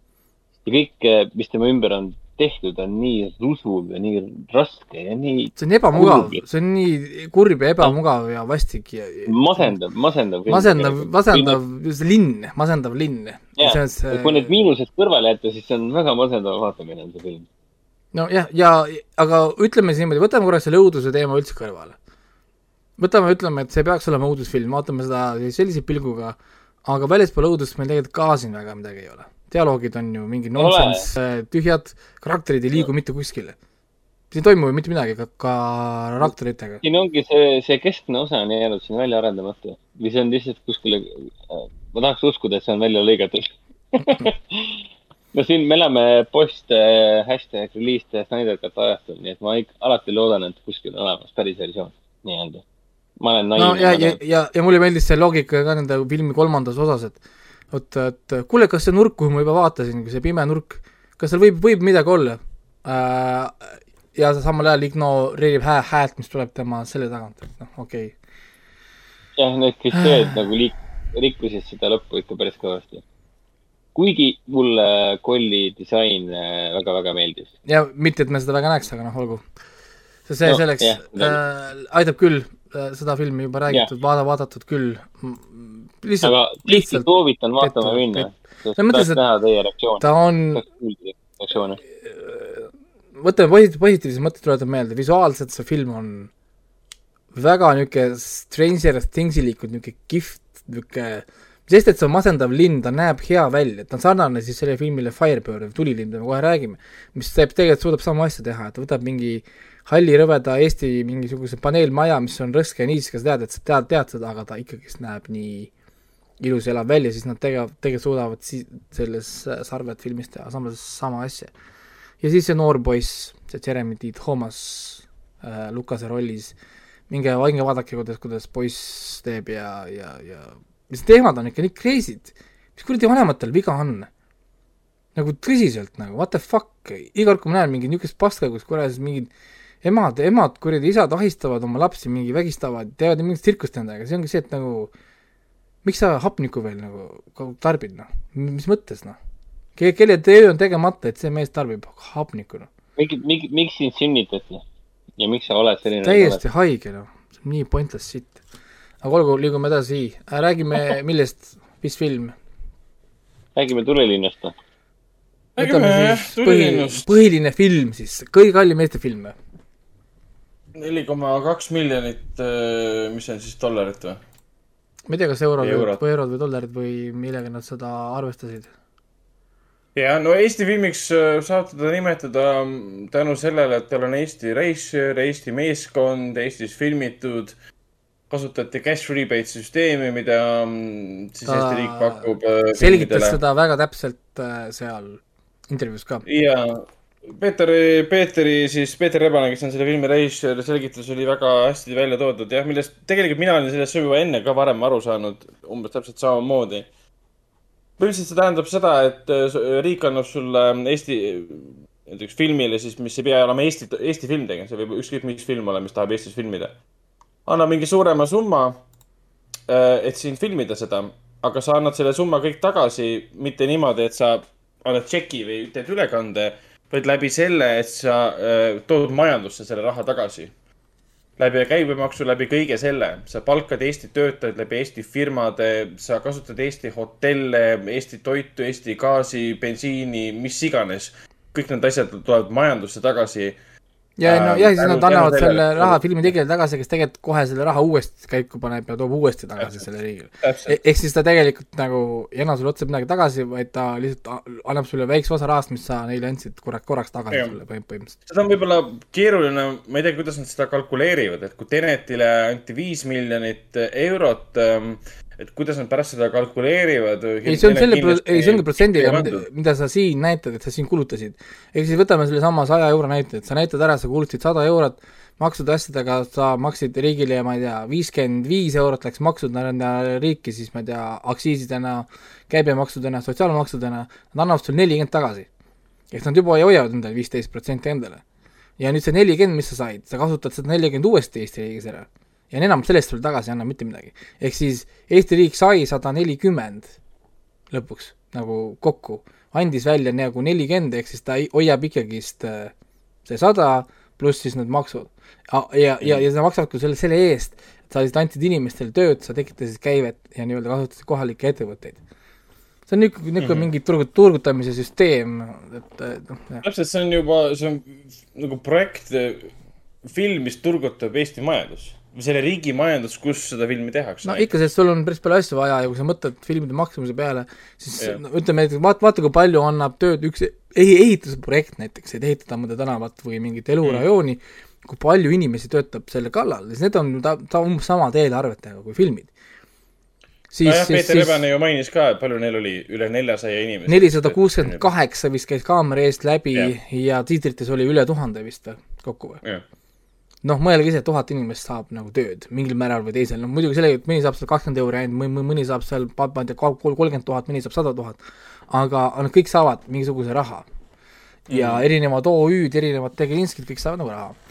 nii et jah, aga jah, ta on nüüd Eesti kallim film ja, ja ma nägin seal filmivaatlusgrupis või isegi kuskil käis vaid- vaidlus ka, kas see on ka Eesti kõige ilusam film.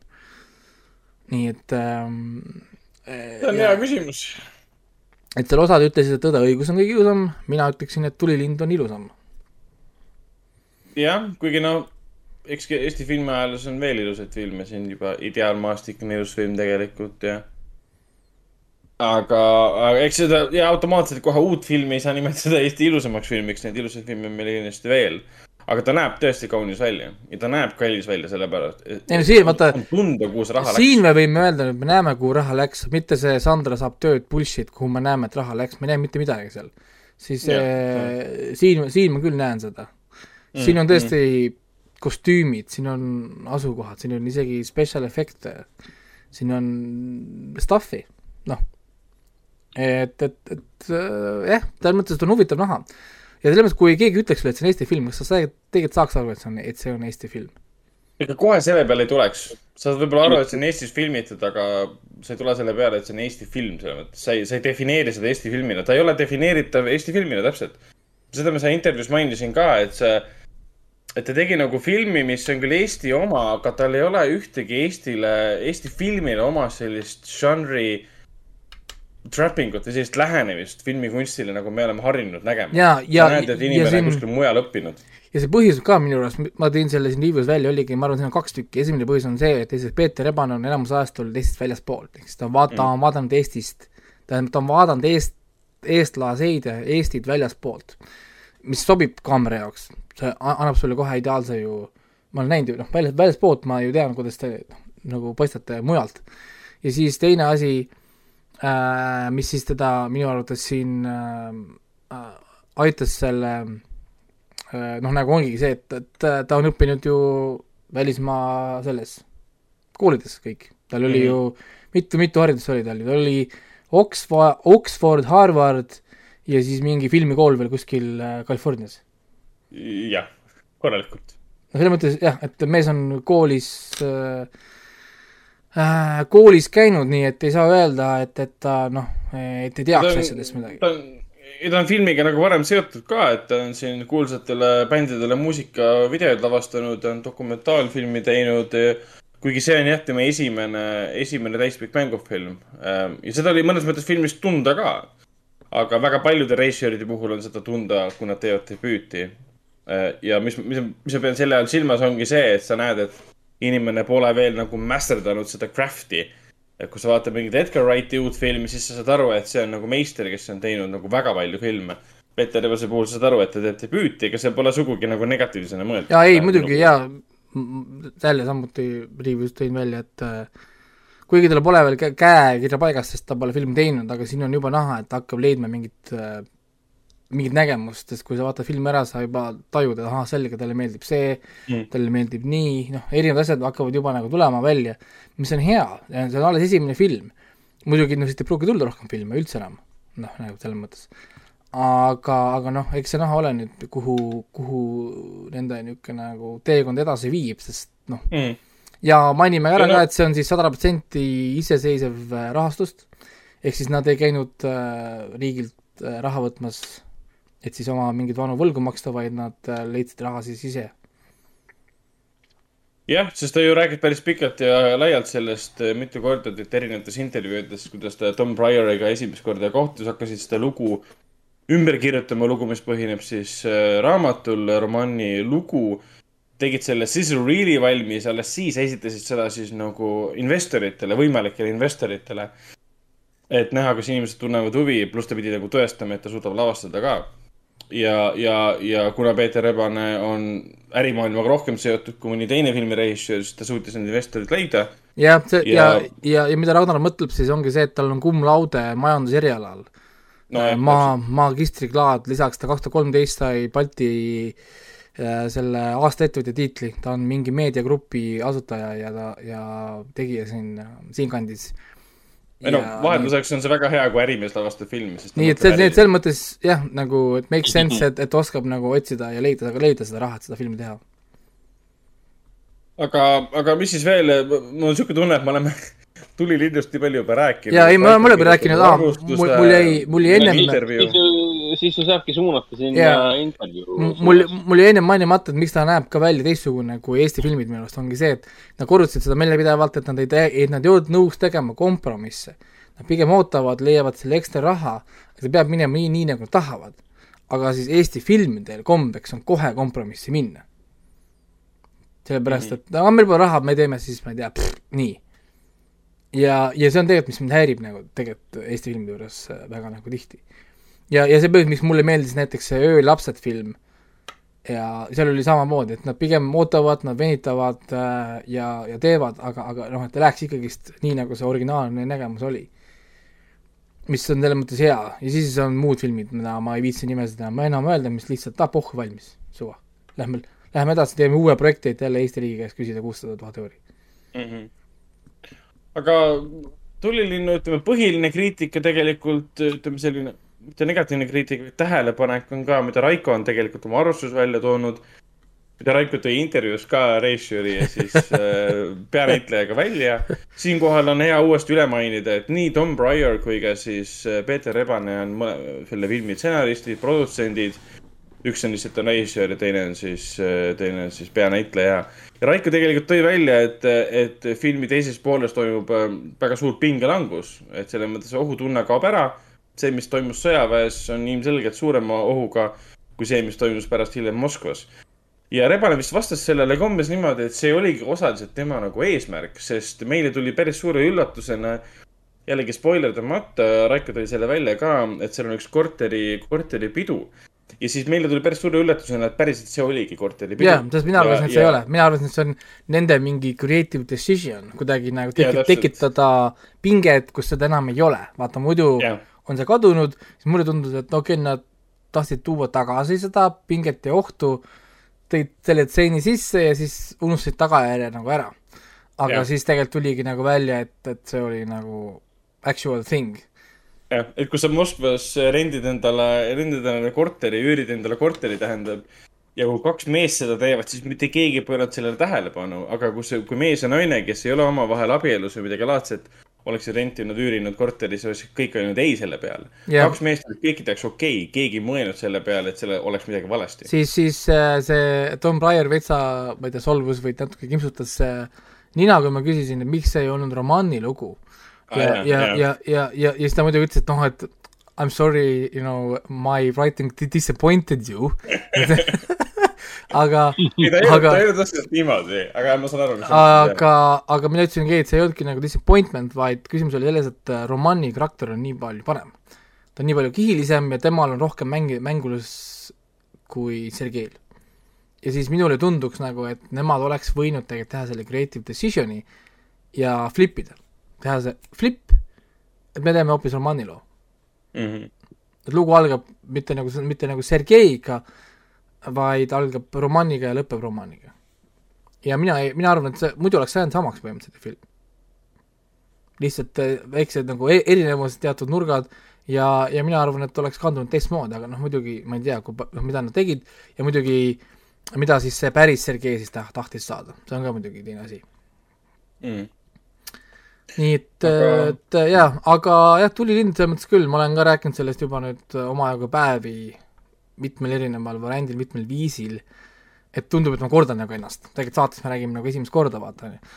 aga, aga Jah. veitsa, veitsa juba enesekordamise tunne tekib, kas noh, mitu erinevat asja, kujuta ette nüüd neid inimesi korraks nüüd, kujuta ette korra Peeter Rebast ja Tom Bryerit, nad on Jah. alates veebruarikuust või jaanuarist juba rääkinud äh, ajakirjanikega teinud neid intervjuusid ja nad teevad seda veel, sest märtsis nad ilmus al- alles ju Ameerikas äh,, jaanuaris on UK-d ja nad teevad seda veel nädalate, kuude viisi, samu küsimusi, kuidas te kohtusite, kust see stsenaarium tuli, nad peavad iga kord vastama sulle samamoodi. kui crazy, noh, kui nagu Ja endale ajudele see hakkab vaata, kui sa hakkad seda kordama. ja seda oli neil tunda ka tegelikult, Peeter vastas nii mõnegile, mõnelegi küsimusele täpselt samamoodi äh,. nagu tal on pressiteates läbi käinud, nagu ta rääkinud telekas, ajakirjanduses, et ta oli juba harjunud neid stampvastuseid jagama. no ta on lõpuks, see jääb pähe, jaa muidugi, see lõpuks jääb sulle pähe. kuidas see stsenaarium sündis äh,? nii, ja siis hakkab, kus mul see kirjas oli ja siis noh, loeb selle nii-öelda nagu peast maha ja selles mõttes peab jah mõtlema selle peale. aga, aga jah, minu üks huvitav küsimus oli näiteks äh, Venemaa kriitikute kohta ja Venemaal siis toimunud äh, vastu nii-öelda nagu või noh, tagasiside kohta tähendab. ja, ja, ja see on huvitav osa, seda võite kindlasti, kui muud ei viitsi kuulata intervjuud, siis kuulake korra seda, seda osa kindlasti. et äh, kus äh, Peeter Eban räägib siis äh, Venemaal toimunud sellest Moskva mingisugune filmifestival oli seal mm, -hmm. kus oli sada nelikümmend seitse filmi või midagi taolist ja ainult kaks tükki olid siis nii-öelda nagu keelatud armastuses või siis nii-öelda nagu gei armastus või mingi muu, ma ei tea, mis iganes see teine film oli. ja, ja siis Venemaalt tuli siis mingisugune niisugune, niisugune surve äh, siis korraldajatele, et kaotage üks film ära või äh, kaota oma see programmi juht ära. ja siis festival otsustas, et nad kaotavad ühe filmi ära, ehk siis see teine film ei saanud isegi linastuda. aga nende filmil lasti ikkagist ilusti linastuda ja siis järgmine probleem oli muidugi see, et nad ei leidnud äh, keda, kedagi, kes oleks nõus kirjutama filmist. ja, ja siis PR-il oli tükk tegemist, et äh, saada nii-öelda aja, ajakirjanikke, filmiajakirjanikke filmi kajastama, arvustama. ja lõpuks, kui nad said need arvustused, siis, siis nad olid kõik väga sarnased ja üheksakümmend kolm, üheksakümmend kolm tükki said kohe, millest üheksakümmend kaks olid negatiivsed. ja, ja näiteks seal ta tõigi välja näiteks, et äh, kasutati lauseid mitte ainult ühes, vaid väga paljudes olid sarnased niisugused laused ja või näiteks üks lause, mis käis väga tihti, oligi läbi, et Youtube'i muusikaga Eestist pärit äh, homopropagandafilm Venemaa kodanike lõhestamiseks. ja see on mingi räigelt ühtemoodi kriitika ja see on mingi huvitav lause ka. Youtube'i muusikaga, kuigi nad olid originaalmuusikat ja, ja nad, nad ise käisid seda muusikat lindistamas, neil oli Poolast helilooja, kes selle kirjutas, aga jah, neil oli, et Youtube'i muusikaga Eestist pärit äh, homopropagandafilm. mm. -hmm. noh, nagu ja niisugused, niisugused nagu noh, nagu crazy'sid äh, asju. nii et ta pidi mulle saatma ka need vene arvustusi, neil pidi olema mingisugune mingi kogumik. ma hea meelega loeksin ja analüüsiksin neid, sest minu arust siin oleks tegelikult huvitav artikkel, mida kirjutada, et kas tõesti Vene riik sekkub äh, filmi arvustustesse ka. et, et Eestist on väga ra- raske leida, peaks tegelikult otsima Vene VPN-iga, huvitav. Kas ma siis leiaksin paremini neid äh, Vene review sid, sest kui nad teevad nagu negatiivset homopropaganda keelatud, äkki nad on ka need nii-öelda geoblokeerinud ära, ma ei tea. kas Vene VPN-i üldse julgeb, julgeb kasutada või? kui Hiina VPN-i julgeb kasutada, siis, oota, kas Põhja-Koreas on ka VPN? oota, ei ole. ei ole. ei ole, okei okay.. null täiesti. ja Hiina VPN-i ei ole ka olemas, et sa, et sa teaksid. ei ole, seda peab ka kasutama Hongkongi. aa, okei okay., see on Hongkong. ja okay. see hi-, sellist asja, et sa lähed mõnda VPN-i ja valid China, never going to happen. mitte ükski VPN ei võta sellist riski endale, et nad teevad, teevad, teevad sulle China VPN-i, nope mm. -hmm. et Hongkong on selle jaoks, Hongkong ja Taiwan, kaks kohta, mida sa võid kasutada, et kasutada Hiina siis äh, service'id. Aga jah äh,, muud midagi, korraks siis tulilinnu juurde veel tagasi, mis on äh, negatiivsed asjad, ütleme negatiivne on siis see, et narratiivis pole erilisi üllatusi, sest noh, see on tõsi, tõsieluline sündmus, siin on teatud piirid juba ees, noh, ta ei saa väga kriisiks minna, on ju. Pluss nad ise väitsid ka, et film on väga palju ikkagi põhineb nii, nagu raamatus kirjas. Jah. väga vähesed stseenid olid juurde et mõeldud. ei, algus-lõpp on sama, laused on samad, alguse lause, lõpulause, kõik on sama. äh,, mis selles raamatus, mis põhineb siis sellel Sergei, mis ta, mis ta, mis ta, mis ta päris nimi oli, ma kohe ütlen Sergei Fetišov. äh,. oli vist jah jah, Sergei Fetišovi raamatul The Story of Roman siis nagu. ja, ja Sergei, ja ta oli siis Venemaal näitleja, ta, ta on IMDB-s mingid filmid ka, kus ta on Mm.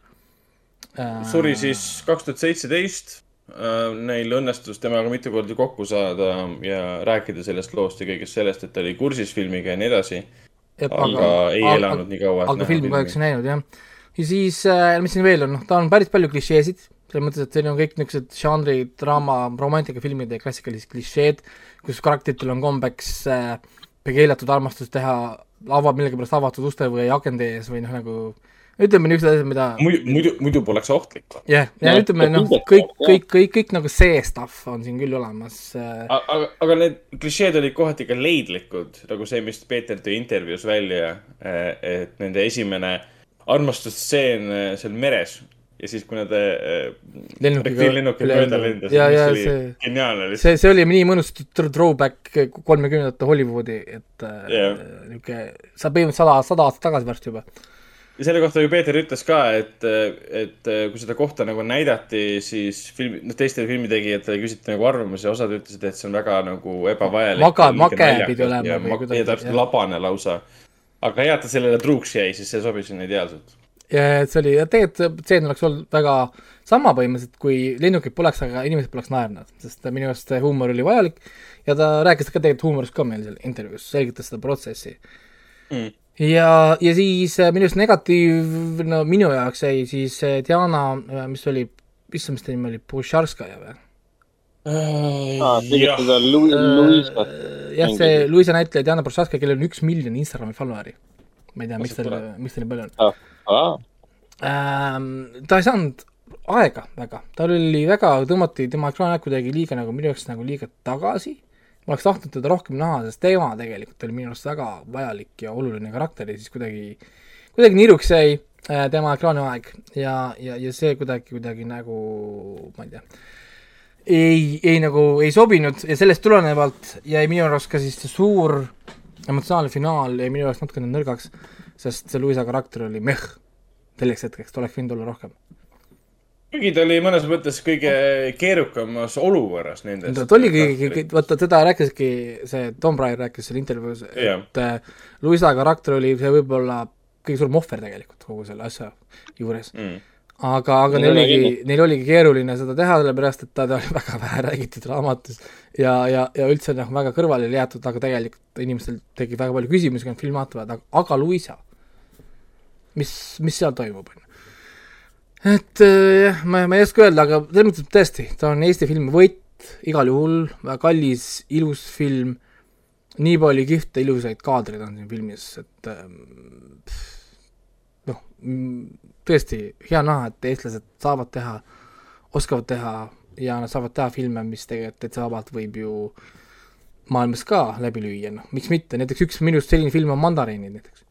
minu arust Mandariin oli ka niisugune film, et holy shit nagu. noh, see on Eesti film. see on tõesti No nagu nii on- kvaliteetne film oli. ta oli ka täpselt selline, et nagu niisugune nagu kvaliteet igal pool, sa näed, et iga tseen on oluline. siis Eesti filmis ma räägin, see käib läbi tavaliselt, et nagu nii palju on nagu pohhuilt. saad aru, nad ei täida neid kaadreid ära, suva, lähme edasi. aga kui sa vaatad niisuguseid nagu filme, ütleme Tulilind või seda Mandariinid, siis nad võtavad selle ekstra momendid, aga kurat ei see mm,, teeme uuesti, ma tahan veel, see peab olema veel. ja nad täidavad ja nad näevad vaeva, Eestis vaatab seda, kurat, meil on viiskümmend euri, läks rohkem persse, ma ei, ma ei saa oma kuradi, ma ei tea, eelmise OÜ-d mingit võlga ära maksta kohtutäiturile, kui me siin kaua teeme, siis äh, fuck it, las jääb nii, lähme edasi. nii et äh, niisugune, niisugune tobe. nii et jah, aga film on olemas nüüd kus kinodes ja veebis ka ju. jah, veebis on ta saadaval siis, kui, ma ei mäleta, mis see lehe nimi oli, aga kui guugeldate Firebird the movie. ongi firebirdthemovie.com ongi minu arust ja siis lähed sinna ja siis kohe seal ees maksab on ta üheksa, üheksakümmend või kui te olete Ekspress Meedias täispaketi tellija, ja siis te saab, saate jah, nii, nii-öelda tasuta vaadata. saate vaadata siis läbi, läbi, läbi Delfi, mille eest Delfi maksab filmile, ehk siis, kui teil olete paketi, paketi tellija, minge vaadake filmi, pange film käima ja siis ärge vaadake sealt, vaid minge ostke nüüd endale nende kodulehelt, siis nad saavad topeltraha. Nice. kuigi ma ei ole vaadanud, kas Delfi, kuidas, kas, kuidas see Delfis töötab. paned lihtsalt, sa paned lihtsalt. käima ja film hakkab käima. okei, selge. aga jaa, soovin äh, filmile edu ja ma täitsa huviga vaatan, kuidas nädalavahetus sellel filmil läheb ja, ja kui kõrgel kohal ta platseerub. jah, et ma pole teiste arvustusi lugenud, pole, pole näinudki ühtegi minu arust arvustuse liikumist peale enda. Siin nädalavahetuse lehel nüüd oli, Andrei Liimes kirjutas arvustuse, tõi enam-vähem samad asjad välja, mis, mis meie. ja ega ma teist, teisi nagu ei ole. kas ta, kas ta ei olnud soolunud millegi, millegi peale, kaamera liikus korraks liiga järsult või midagi? ei olnud solvunud, ütleme nii, et ega sellest mind sügavalt häirivad arvustused mis, mis üheksakümmend protsenti koosnevad, koosnevad sisu ümberjutustamisest, sest see tähendab seda et, et kümme protsenti ehk siis kaks viimast lõiku jäävad arvamuse avaldamiseks. eriti kui sa teed seda ajalehes, kus on niikuinii vähe ruumi, see ongi see, et ma lihtsalt skip isin enamuse arvustusest, sest see ei olnud arvustus. lugesin kahte viimast lõiku ja siis ta tõi jah välja need klišeed, mida meie ka ja pluss ta tõi välja inglise keele, et teda ikkagi räigelt äh, häiris see inglise keel et kui Hollywood teeb ähm, vene aktsendiga inglise keelt, siis kõik ütlevad, kui halb see on, aga kui eestlased aa jaa, teevad- tean küll, mis sa mõtled sisu ümber jutustamist, aga mul on vahepeal selle, see oli Wall Street Journal vist, ma lõpetasin lugemise ära, sest nendel on ka, et nendel on mingi piiratud see, tuleb mingi niisugune üks, üks A4, siis kokku Mhm. kolm neljandikku on sisu ja hakkabki Jah. mulle rääkima umbes, et näed, et kõigepealt on sü-, nagu sünopsis, alguses lihtsalt filmi nagu sünopsis ja siis hakkab pihta.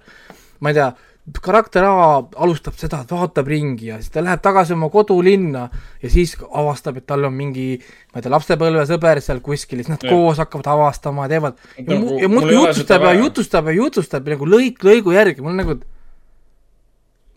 eriti, eriti kui sa oled filmi näinud, siis on nagu see, et sa lihtsalt skip'id selle osa ja kui sa ei ole filmi näinud, sa ei saa mitte mingit infot sellest. välja arvatud lõpuosast, ehk siis enamus sellest arvustusest ei ole ka arvustus, vaid ümberjutustus, kirjeldus ja alles lõpupoole sa leiad. ei, ma ei, ma ei üldse kritiseeri Andrei äh, arvustust, see oli väga hea arvustus. lihtsalt ma tahan öelda, kuidas ma seda arvustust lugesin, ma lihtsalt skip isin alguse osa, siis ma nägin, et see oli ümberjutustus ja läksin arvustuse juurde, mis oli hea um,. aga jah, üldiselt väga paljud teevad seda, sina seda ei tee või isegi kui sa teed, siis sul on väga palju seda kriitilist osa, aru, arustavat osa tekstis olemas. ma nagu ta, ma, ma, ma tavaliselt ei tee, sest ma ei viitsi. sest selleks on treilerid ja sünopsised, ma no nii palju on No no,, jah, et ma viskan selle no, sünopsise tavaliselt sisse, ongi nagu a la noh, karakter ja siin, siin minu arust selle filmi sünopsis mul oligi vist niimoodi, et äh, Sergei on äh, see sõdur äh,, Roman on äh, lendur äh,, Diana oli see, tähendab see äh, Luisa on sekretär, nad on Haapsalus Eestis tuhat üheksasada seitsekümmend seitse baasis, tekib armu kolmnurk ja film mm,. Noh. mm, no, nagu sa saad aru nüüd, millest film räägib, inimesed oskavad ise ka, ma ei pea rohkem kirjeldama protsesse, kus nad kõik käivad. see, ma ei tea, see vaata, filmidega on lihtne, seriaalidega, asjadega on nagu selles mõttes keerulisem, ma vahepeal jään küll lõksu sellega, et näiteks a la keegi ütleb, et ma ei tea, kirjuta mulle seriaali kirjeldus, kus on viis, viis hooaega. siis on nii keeruline sünopsist panna, sest ma räägin viis hooaega sisu. noh, siis, siis, siis ku-, ku-, siin ma küll olen vahepeal nagu kinni ja siis ma mõnikord lihtsalt tükeldan ära, et esimene, teine, kolmas, neljas, viies hooaeg või kuidagi üritad nagu seda raamistada, aga filmidega on üldiselt väga nagu lihtne, mängudega on ka natuke teine jälle. sest mängudel on ka tihtipeale mingi kaheksakümmend tundi story't ja narratiivi, siis on ka noh, nagu noh, ma ei saa, ma ei saa öelda nagu ühe lausega umbes, et see film on või mäng on, ma ei tea, sellest. kui, kui, kui see on, kui see on tegelikult pettus, sest ma räägin poolteist tunnist võib-olla või tunnist ajast narratiivist, aga me räägime kaheksakümne tunnisest mängust, siis kui nii inimesele tund, tunni ajani idee ei meeldi, siis ta viskab juba filmi, noh, või selle äh, mängu minema. aga, aga jah ähm,, ja siis on see Soho nüüd äh,, mida ja, siis äh, teie mõlemad olete näinud, mina veel ei ole näinud, homme plaanis siis minna et äh, ma Aga seda jah, kindlasti sulle ära ei, ei, ei spoilerda. ja, ei ma nüüd korraks äh, lähengi, astun eemale, saate rääkida Aa. ja ma tulen tagasi. no ega Äh, ja- meie, meie kuulajad pole ka kindlasti jõudnud seda filmi veel vaadata. ja ta alles äh, alustas nüüd ja eellinnastused reedel alles tuli. olid kolmapäevast olid eellinnastused, aga nii palju saame öelda. Äh, neljapäeval, neljapäeval jah, okei. aga nii palju saame öelda, et eile öösel Sohos ehk siis Last Night in Soho on Edgar Wrighti uusim film. Kes ei tea, siis Edgar Wright on äh, see mees, kes on meieni toonud sellised filmid nagu Shaun of the Dead, Hot Fuzz, Scott Pilgrim versus the World, The World's End. pidi peaaegu lavastama Ant-Mani, kahju, et ta seda ei teinud. ja viimati oli tal filmideks siis Baby Driver, mis kõigile enam-vähem meeldis ja siis dokumentaalfilm ähm, The Sparks Brothers, mis hiljuti jõudis ka nüüd UK või USA Netflixi. ja Last Night in Soho on siis äh, ütleme psühholoog, ma ei tea, kas nimetada psühholoogiliseks, ta on pigem müstiline ähm, triller. ta, teda, ma ei nimetaks teda otseselt õudusfilmiks, ta on väga konkreetses äh, žanri maailmas kinni, ta on müstiline triller pigem. leiab aset äh, kuuekümnendatel ja, ja räägib siis, räägib siis noorest neiust, mis ta nüüd nimi oligi, Sadie, Sandy, ei, Sandy oli see teine, vaata.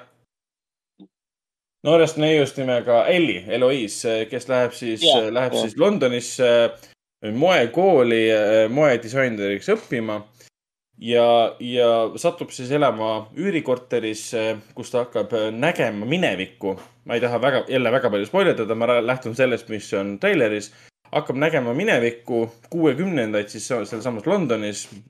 selles mõttes film ise leiab aset tänapäeval täiesti. Ja hakkab nägema minevikku kuuekümnendatel, kus siis ta näeb Seidit või noh, Sandit tähendab, keda mängib siis äh, alati fantastiline unikaalse välimusega Anja Taylor-Joy näeb äh, Sandy nimelist neiut, kes tahab noh, saada staariks. mõnes mõttes meie peategelane Elli tahab ka staariks saada, aga mitte lavalaudade staariks, vaid siis ütleme staar moe, moedisaineriks, ütleme nii. ja, ja igal öösel, kui ta läheb magama, hakkab ta üha rohkem nägema minevikku ja Sandiga toimuvat ja see võtab ühel hetkel aina, aina müstilisemad pöörded, ütleme nii see on, ma arvan, piisavalt kirja, üldine kirjeldus selle filmi kohta, sest jällegi ei soovita vaadata viimast treilerit. kui olete näinud esimest diiserit, siis sellest täiesti piisab, viimane treiler annab liiga palju ära. ja Ähm, mina tegin, mina tegin selle vea, et vahetult selle filmi, filmi nägemist vaatasin seda viimast treilerit, mis kannab nime Official Trailer. ja siis kuskil poole treileri pealt panin kinni, sest ma sain teada, millest film räägib. ja ta ütles selle nii konkreetselt seal välja, et see oli nagu täielik pettumus minu jaoks. ma ei tahtnud teada, millest see film räägib, sa ei pea teadma. kui sulle ikkagi diiseltreileris ei öelda välja, mis filmis toimub, siis noh, ära uuri tingimata, sest järelikult see on osa selle filmi võlust. aga, mitte, aga mitte, mitte et selle sisu teadmine oleks mul takistanud filmi nautimast, mida ma väga nautisin yeah., väga, väga, väga nautisin.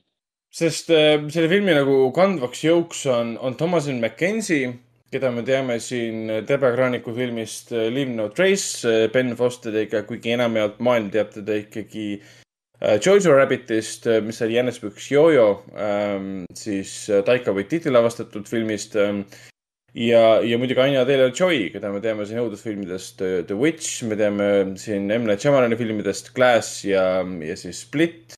ta on olnud siin ajastufilmides äh, Emma ja oli siis suurepärases seriaalis, millest me oleme siin väga palju rääkinud, Queen's Gambit um,.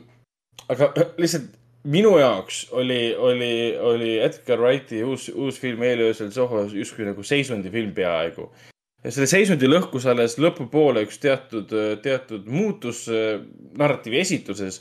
aga ta oli seisundifilm puhtalt sellepärast, et see film tõmbas mind esimesest minutist sisse. ma tundsin, vaatasime seda kosmoses väikses saalis, teises reas, kõik tundus kuidagi kitsas.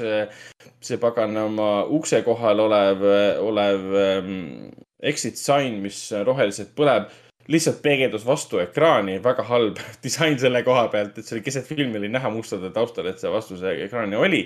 ja ma arvasin, et mind häirivad need asjad, isegi keset seanssi keegi tõusis püsti, sa näed kohe tema varju äh, ekraanil äh, läbi projektoori valguse. aga ei häirinud, see film tõmbas mind kohe sisse ja lasi mind lahti kuskil filmi teises, teises pooles alles siis, kui ütleme, toimus selline süžeeline muutus äh,. nagu ikka kolmeaktilise struktuuri juures on, et see ei ole nii-öelda spoiler, et siin süžeelis midagi muutub.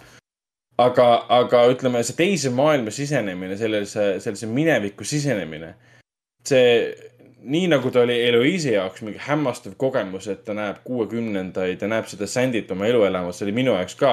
sest see, kuidas Edgar Wright seda lavastas, monteeris, üleminekut tegi, muusikat kasutus. ma olen täna päeva otsa kuulanud muusikat. eriti veel see ah,, soundtrack oleks olnud jah? jah, nagu neid laule, mida filmis kasutati või ametlikult? mõlemad, mõlemad, mõlemad. no eriti just see, et ähm, mida mina tean kuuekümnendatel Londonist või veel vähem siis. Sohost.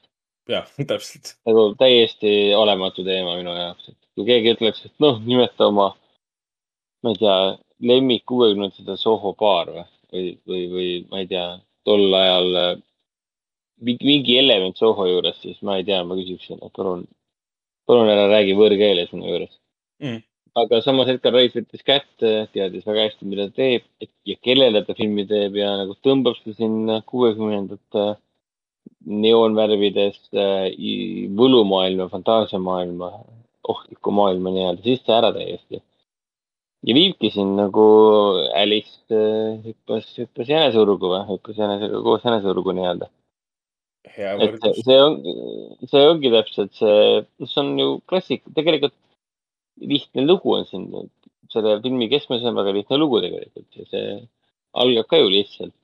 keegi satub, peategelane satub kogemata äh, fantaasia reaalsusesse, kuniks ta avastab, et siin on midagi valesti, et kas see siis ei olegi nagu fantaasiamaailm või kus ma tegelikult, tegelikult olen mm. -hmm. et mis tegelikult toimuma hakkab mm,. ma väga palju, väga, väga, väga ma ei taha muidugi peatuda sellel no nii, sisu, sisupointidel vara veel. nii, nii palju saab muidugi peatuda, et need, et see, et see nii-öelda, et see minevikumaailm, kuhu ta siseneb, see on lavastatud ja loodud visuaalselt nii nagu no,, nagu, nagu kuuekümnendate filmid selle koha pealt. Argentod ja, ja mingid Paavad ja Antonioni mingid blowout'id ja ma ei tea, Repulsion. Suspiria tuleb ka meelde põhimõtteliselt seda vaadates, eriti kui sa vaatad seda värvide virvarri, see kaamera Ja, liikumine, ja. see. mul on... siis Suspiria tuli kohe meelde, nii esimene õige versioon kui ka uus versioon tuli, mõlemad tulid meelde. selles mõttes ta algab selles mõttes väga lihtsalt, et sul on neiu, kes läheb võõrasse linna, kus ta pole varem käinud peale sügava lapsepõlve. meile antakse mõista tema minevikku, tema karakterit, kes ta nagu on, mis ta on, mis on temaga juhtunud. ja, ja mõttes väga lihtsalt hakkab seda minevikku sisenema ka, film ei selgita, film ei räägi, hakka, hakka sulle nagu rääkima, miks ta neid asju näeb. me lihtsalt näeme neid ja kogeme neid äh, koos temaga. ja, ja seal on lihtsalt lihtsad asjad, et Sandy tantsib, aga see tantsutseen ja see flow sellel, see tempo sellel tantsutseenis, kuidas ta ühendub järgmiste tseenidega, haakub nendega kokku, liigub üle, muusika tuleb uuesti sisse, sisse, sisse, valguskaamera, see minu jaoks mõjus siukse, siukse täiesti mingi sensoorse elamusena. ma, ma nagu oleks transis, nagu oleks transis Jaa. tunne. ma ja ja seda tunnet ma pärast rääkisin sõbraga ka pärast seda seanssi. tal oli täpselt sama tunne, et ta oli, tema oli muidugi filmi viimase stseenini täiesti transis seda vaadates. minul, minu jaoks üks asi läks vahepeal katki, aga see ei olnud otseselt kriitika, see oli, see oli. kuna ma olin nii peategelases nagu sees, ma tundsin seda, siis, siis see, kui katkiminek tuli, siis ma, asi mõjus mulle nii nagu talle, mis on arusaadav ja ta on nagu sensoorne elamus, et sa lihtsalt oled seal julmalt sees ja naudid seda, mul oli, tuli naeratus näole seda filmi vaadates, sest esiteks meenutas mulle parimaid minevikufilme, et vanasti oli kõik parem. filmis isegi mainitakse, et mitte sigaretid olid paremad, sest keegi ei teinud äh, veipi, see veipi teevad ainult lollakad ja kõik siuksed asjad toodi seal filmis välja, muusika oli parem ja isegi filmid äh, on paremad. ja see film selles mõttes meenutab veits nagu klassikaliste režissööride uuemaid filme ka, et kui me võtame siin, võtame siin Scorsese viimase filmi The Irishman, ta läks, tegi põhimõtteliselt oma, oma parimate maffiafilmide kogumiku minevikus. siis võtame, võtame Tarantino Once Upon, Once Upon a Time in America, ta läks ka minevikku, näitas seda. Ja nüüd Edgar Wright tegi sama asja. Mul veits oli hirm, et hakkab ka tegema umbes niimoodi, et mul on nii palju raha, uusi võimalusi, et ma lihtsalt teen seda ego trip'i nagu, nagu, nagu Tarantino tegi, ei, ta tegi täiesti oma asja. ja ma arvan, et see film on tema karjääri parim film ja see on kindlasti minu selle aasta üks lemmikuid ja see läheb minu jaoks tema, üldse läheb nagu lemmikute hulka ka kõigi aegade ma ei tea, kas see parim film tema karjääris. ei, mina ütleksin küll julmalt, julmalt välja, et see on, see on kindlasti parem kui Shaun of the Dead. ei, minu jaoks on tema parim film äh, Scott Pilgrim. ei no lihtsalt jah, ei võib, võib ka nii öelda, aga point ongi selles, et need on nii erinevad asjad. et tal on see signatuur on enam-vähem sama, trikid on samad, aga sa ei võrdle tegelikult Shaun of the Deadi ja Scott Pilgrimi ja Sohot. Need on nii erinevad filmid selles mõttes, et sa ei saa öelda, et üks on ja parem kui teine küll. Või nad saavad tegelikult, aga ja mina olen kogu sinu positiivse kooriga nagu täiesti nõus. minu meelest oli see suurepärane film. Jaa. ma olin, vaatasin seda Võru kinos. ma olin ainuke klient, kes seda seal vaatas. ühe, ühelt poolt on see väga kurb muidugi. on, aga ütleme nii, et kui film hakkas creepy'ks muutuma nii-öelda, siis ma olin küll kohati niimoodi, vaatasin vasakule-paremale, et mis toimub. sest noh, helisüsteem on selle kino, kinokandes tegelikult päris hea, kui sul ikkagi filmis külje pealt igalt poolt tulevad mingid helid ja hääled ja siis sa nagu hakkasin reageerima küll niimoodi ümberringi vaatama. aga noh, ütleme üksinda või mitte, aga seda oli just nimelt kinos väga hea vaadata. see on, see on noh, võimalikult suure ekraani film, see on kinofilm Mm. ja ma olen, ma olen kõigega nõus, mis sellest seni ma olen rääkinud, et mina story wise, noh, loo suhtes väga midagi filmist ei teadnud. okei okay,, viimasel hetkel ma spoil dasin endale ära. aga ma olin seda esimest treilerit vaadanud, ma teadsin, et see on Edgar Wright, siin on Thomasin McKenzie ja Anya Taylor-Joy ja Matt Smith ja äh, Terence Stamp ja, ja ägedad näitlejad, ilusad näitlejad, vanad näitlejad, kõik olemas, suurepärane kombo ja rohkem ma nagu tegelikult filmi kohta ei teadnudki, ma ei olnud lugenud mingisuguseid äh, behind the scenes äh, vestluseid või mingit taustainfot selle kohta, ma polnud üldse lugenud mitte midagi selle kohta mm.. Mis sundis Edgar Wrighti sellist lugu tegema, mis on tema mõjutajaid ja nii edasi. ja seda enam läksin filmi vaatama ja sihuke tunne oli pärast filmi lõppedes, et äh, see kestis siis tund viiskümmend kuus, tund viiskümmend seitse, paar minutit, alla kahe tunni. ja sihuke tunne, et ma olin nagu tohutu suure rännaku või, või, või reisi läbi elanud, mida me elasimegi tegelikult. kahetunnise filmi kohta toimub, toimub selles filmis ikka väga palju. Ausalt ka nagu sama hästi see oleks võinud olla mingisugune kuue või kaheksaosaline teleseriaal või midagi sellist. kõik Jaa. kaks ja pool tundi pikk ja ikka jääks aega väheseks, et noh.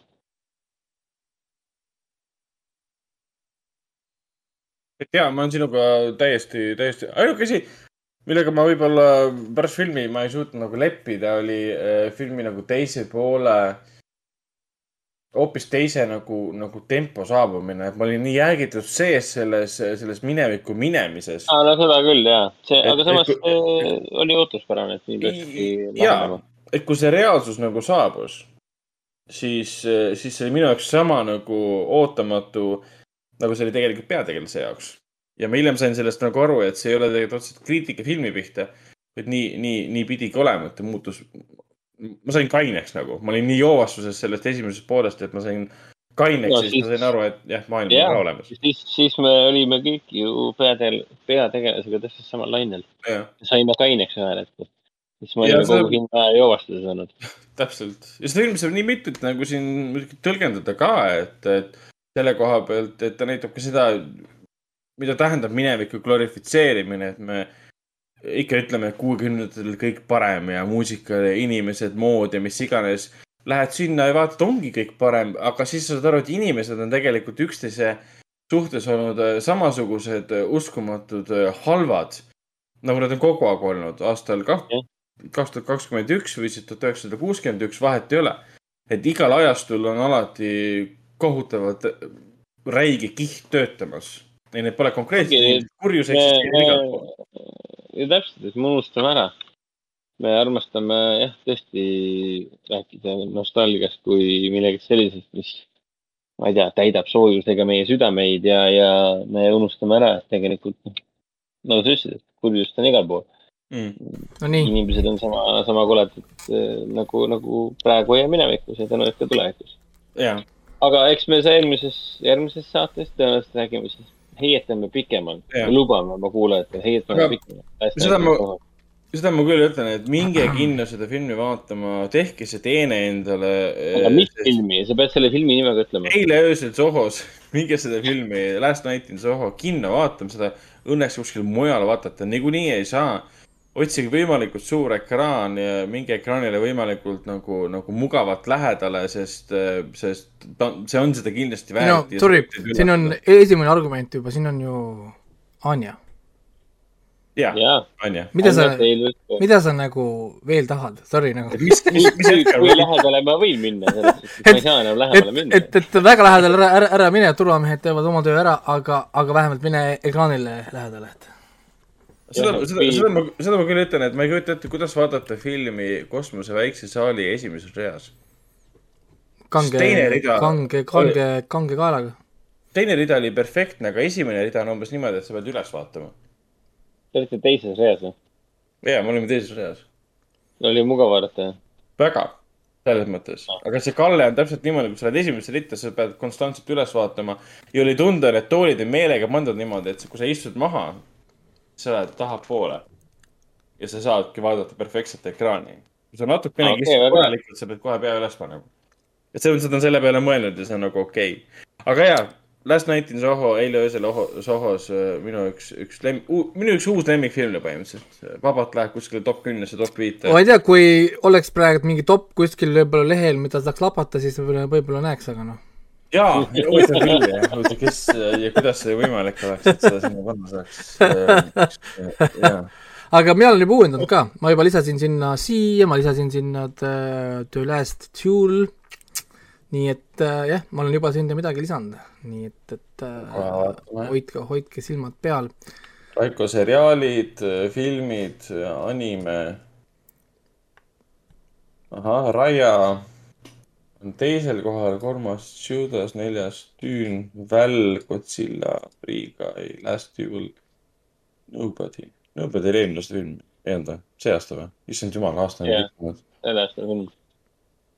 mina No vaatasin aga- ikka minu arust jah, see aasta ma tegin seda sofadoogile ka veel kirjutasin, siis see oli see aasta jah. jaa, endiselt aeg on omandanud teise tähenduse. aga jaa, Sohost me rohkem ei räägigi, sest ma arvan, et järgmine kord me saame sellest võib-olla tõesti võiks vahelduseks lubada ja siis ka teha mingisuguse spoiler saate. eks kui Raiko vaatab homme, laupäeval vaatab ära. ja raudselt ma vihkan seda filmi, raudselt lähen sinna, mingi filmine, räige juust. jaa. ja siis äh, spoil-, spoiler saates saab lihtsalt äh, Raiko ränd, kuidas ma lihtsalt vingun seda filmi. terve list Aga- asju lihtsalt, kuidas film on pekkis kõik. aga spoiler saate võiks ikkagi teha, sest äh, fännid on meil ju või kuulajad on tegelikult neid jaa, aga kusjuures, millest me võiksime teha?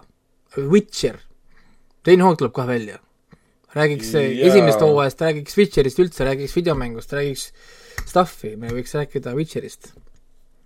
sest Witcher oli Rääkisime, suur teema Witcher tuli, ta oli ju, kõik rekordid üle, nüüd on ta muidugi kukkunud, sinna on muid populaarsemaid asju tulnud peale. aga Jah., aga, aga ta, Tegelikult- nüüd ta tuleb tagasi kohe. Teiseks meil tuleb, äh, mis mind huvitab, ma ei tea, Wheel of Time tuleb. Prime Ah, kohe. samuti ma tahaks rääkida Foundationist äh, rohkemalt, millest omaga asju, mida ma tahaks tegelikult nagu lapata, aga ma ei saa sü- süviti sisse minna, sellepärast et iga asi on kuradi spoiler. Demon Slayerist ei saa rääkida, sest ma spoilerdama nii palju asju, mida tahaks nagu rääkida, et, et äh, võib-olla ongi see, et vahepeal tegema lihtsalt eraldi saata mingi spoiler cast, mitte podcast, aga spoiler cast ja lihtsalt arutame yeah. asju, mis me oleme juba rääkinud, aga lihtsalt spoilerdame emaseks ennast ja, ja korralikult. ja see ei pea olema ju tingimata ühe kohta nagu ühe kaupa selles mõttes. ja ongi hea, et korraga lihtsalt nagu.. kolmetunnise, kolme ja poole tunnise saate, kus me lihtsalt spoilitame kõike, mis ette juhtub nagu.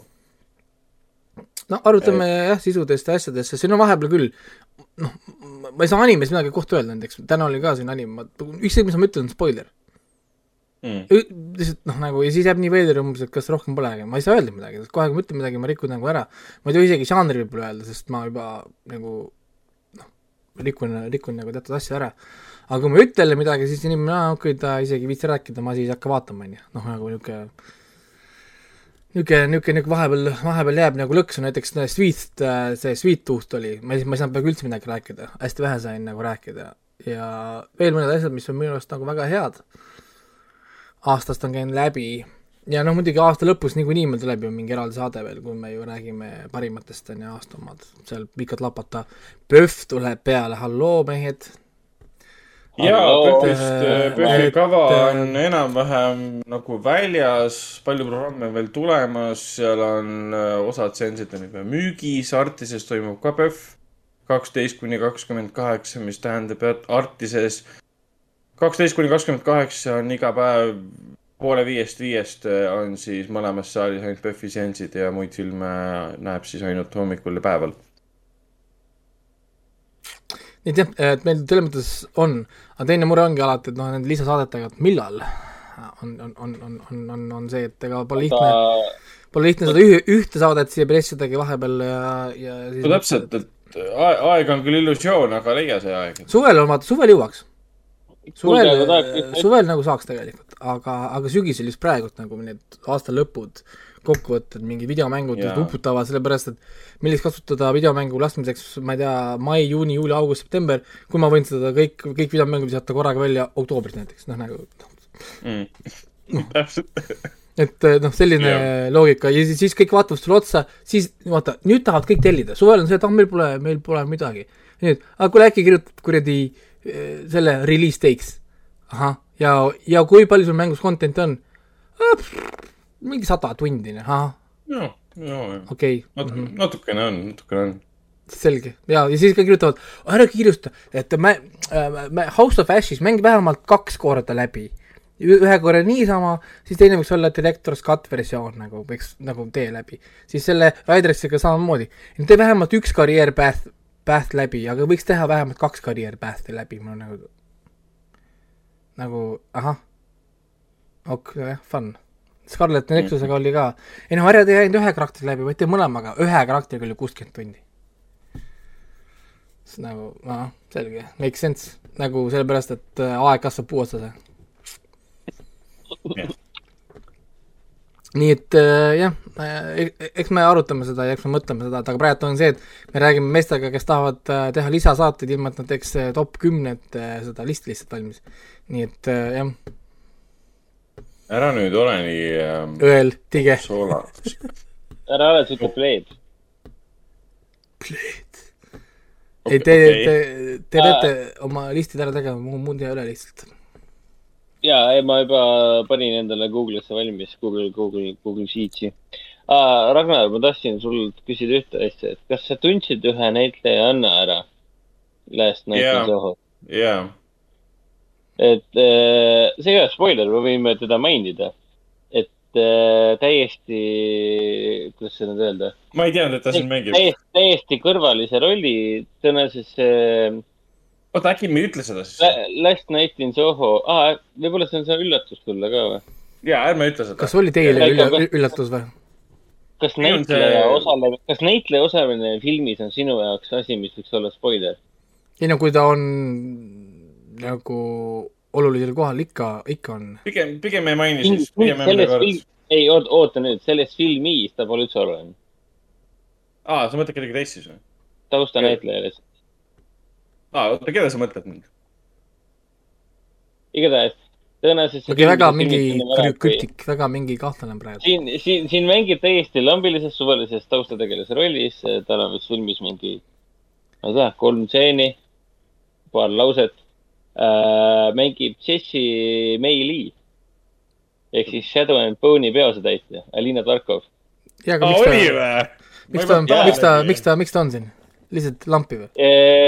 ta on lampi, aga see on tõenäoliselt selle tõttu, et see Shadow and Bone äh, tõenäoliselt filmiti samal ajal või kohe pärast äh, Last Night'i Ah. Last Night äh, võtted toimusid tõenäoliselt millal, aastal kaks tuhat üheksateist, et noh. hea, et sa meelde tuletasid, Lock and Key teine hooaeg on. ja see on ka väljas. Oota, aga Ragnar, keda, Ragnar, keda sina mõtlesid siis? ai, ma mõtlesin kedagi teist siis. oota, aga Aa. Laara, kes see Laara seal oli?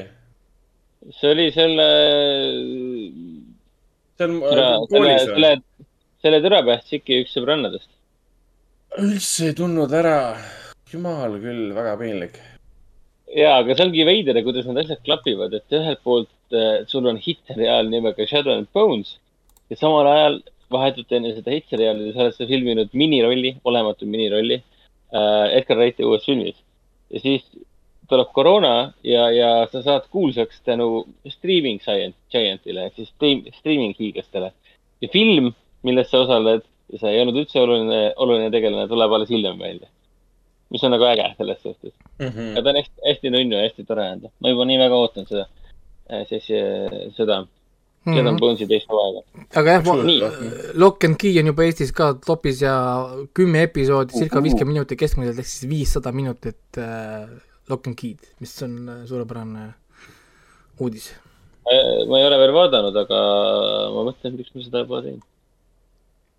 et, et Ma olen üks- äh, ma olen üks veider huvitav inimene., huvitav, et content'iga jälle upu-, upu-, uputavad, et ma ei teagi, mis nüüd saab, kas ma vaatan juurde või jätkan seda teekonda, et ikka asjad ära lõpetada. et ma arvan, et ma ikka proovin asja ära, ära, ära lõpetada, mulle ei meeldi aasta lõppu minna mingisuguste pooli, poolikute listidega. nii et Jah., et, et asjadel ikka nagu otse peale tõmmata, ei no lihtsalt ongi, nüüd on nagu see, et ma vaatan näiteks üks, üks-kaks episoodi ja kui ma ei ole rahul, ma panen kinni, ma jätan pooleli, panen kollaseks selle endale, kõmm, see asi on lahendatud järjest käin nagu üle kõik asjad ja kui mulle meeldib, ma vaatan lõpuni, kui ei meeldi, pooleli, aga ta on mul lõpetatud, sest ma jätan ta pooleli. aga mitte sellepärast, et ta jääb pooleli, sellepärast ma tahan vaadata. noh, nagu, ehk siis see on see point. sest äh, kõike ei pea lõpuni vaatama, sest see oleks nonsense, me lihtsalt äh, noh, meil ei ole sellist aega. Aga jah, selge, et Netflixis on ka siin omajagu asju, ma pole nüüd Netflixis äh, väga käinudki siin ja praegu, kui ma jään siin, ta viskab mulle igasugust stuff'i ette, mis on siia vahepeal tulnud siia. see Inside Job tegelikult tundus ka mulle väga huvitav, sest äh, vandenõuteooriad on kihvt. ma endiselt pole vaadanud seda QAnoni stuff'i, nüüd on mingi, seletage mulle seda QR koodide crap'i. seletage mulle, me Eestis on meil jälle mingi vandenõuteoorikute mingi asi on QR koodidega. aa, no see grupp on ka ju maskid, QR koodid ja mis iganes veel. kusjuures ma ei, ma ei oska selle küsimusele vastata. ma saan kiipidest veel kuidagi aru, aga mis värk on QR koodiga? ei no ma nägin mingit asja, et mingi Bill Gatesi pilt ja siis mingi QR kood ja siis ta naerab seal jälle, et sa oled mingisugune märgistatud lammas või asi, ma löön äh?. aa, et mingi naha sisse on pandud QR ma ei, kood ma ei, ma või? ei, ma ei tea, ma ei ma ei tea jõua. järge pidada neil kõigil asjadel. ma ka ei jõua, vaadake, nüüd on business idea, kuulajad, kas te tahate in- in- investeerida raha ühte business'isse, teeme veebilehe äh, mingisuguse hea nimega, kus saab pidada arvet erinevate vandenõuteooriate üle. paneme sinna, hoiame ilusti arvet, see on nagu andmebaas, müüme reklaamipinda, kuna neid on nii palju kogu aeg, siis lihtsalt klikid tuleks ja me ei jõuaks seda raha kõike vastu võtta. jah, jah, selline huumor palun ei siis. Pa-, para-, paranoia.ee, täpselt, suurepärane idee, Hendrik juba on, on juba investeerinud äh, ide- ide- ideedega. kohe hakkan äh, aks-, aktsiaid ostma. para-, paranoia.ee, või siis äh, tahaks kohe trigerdada, vaata ju- juba mingi pealkirjaga, religioon.ee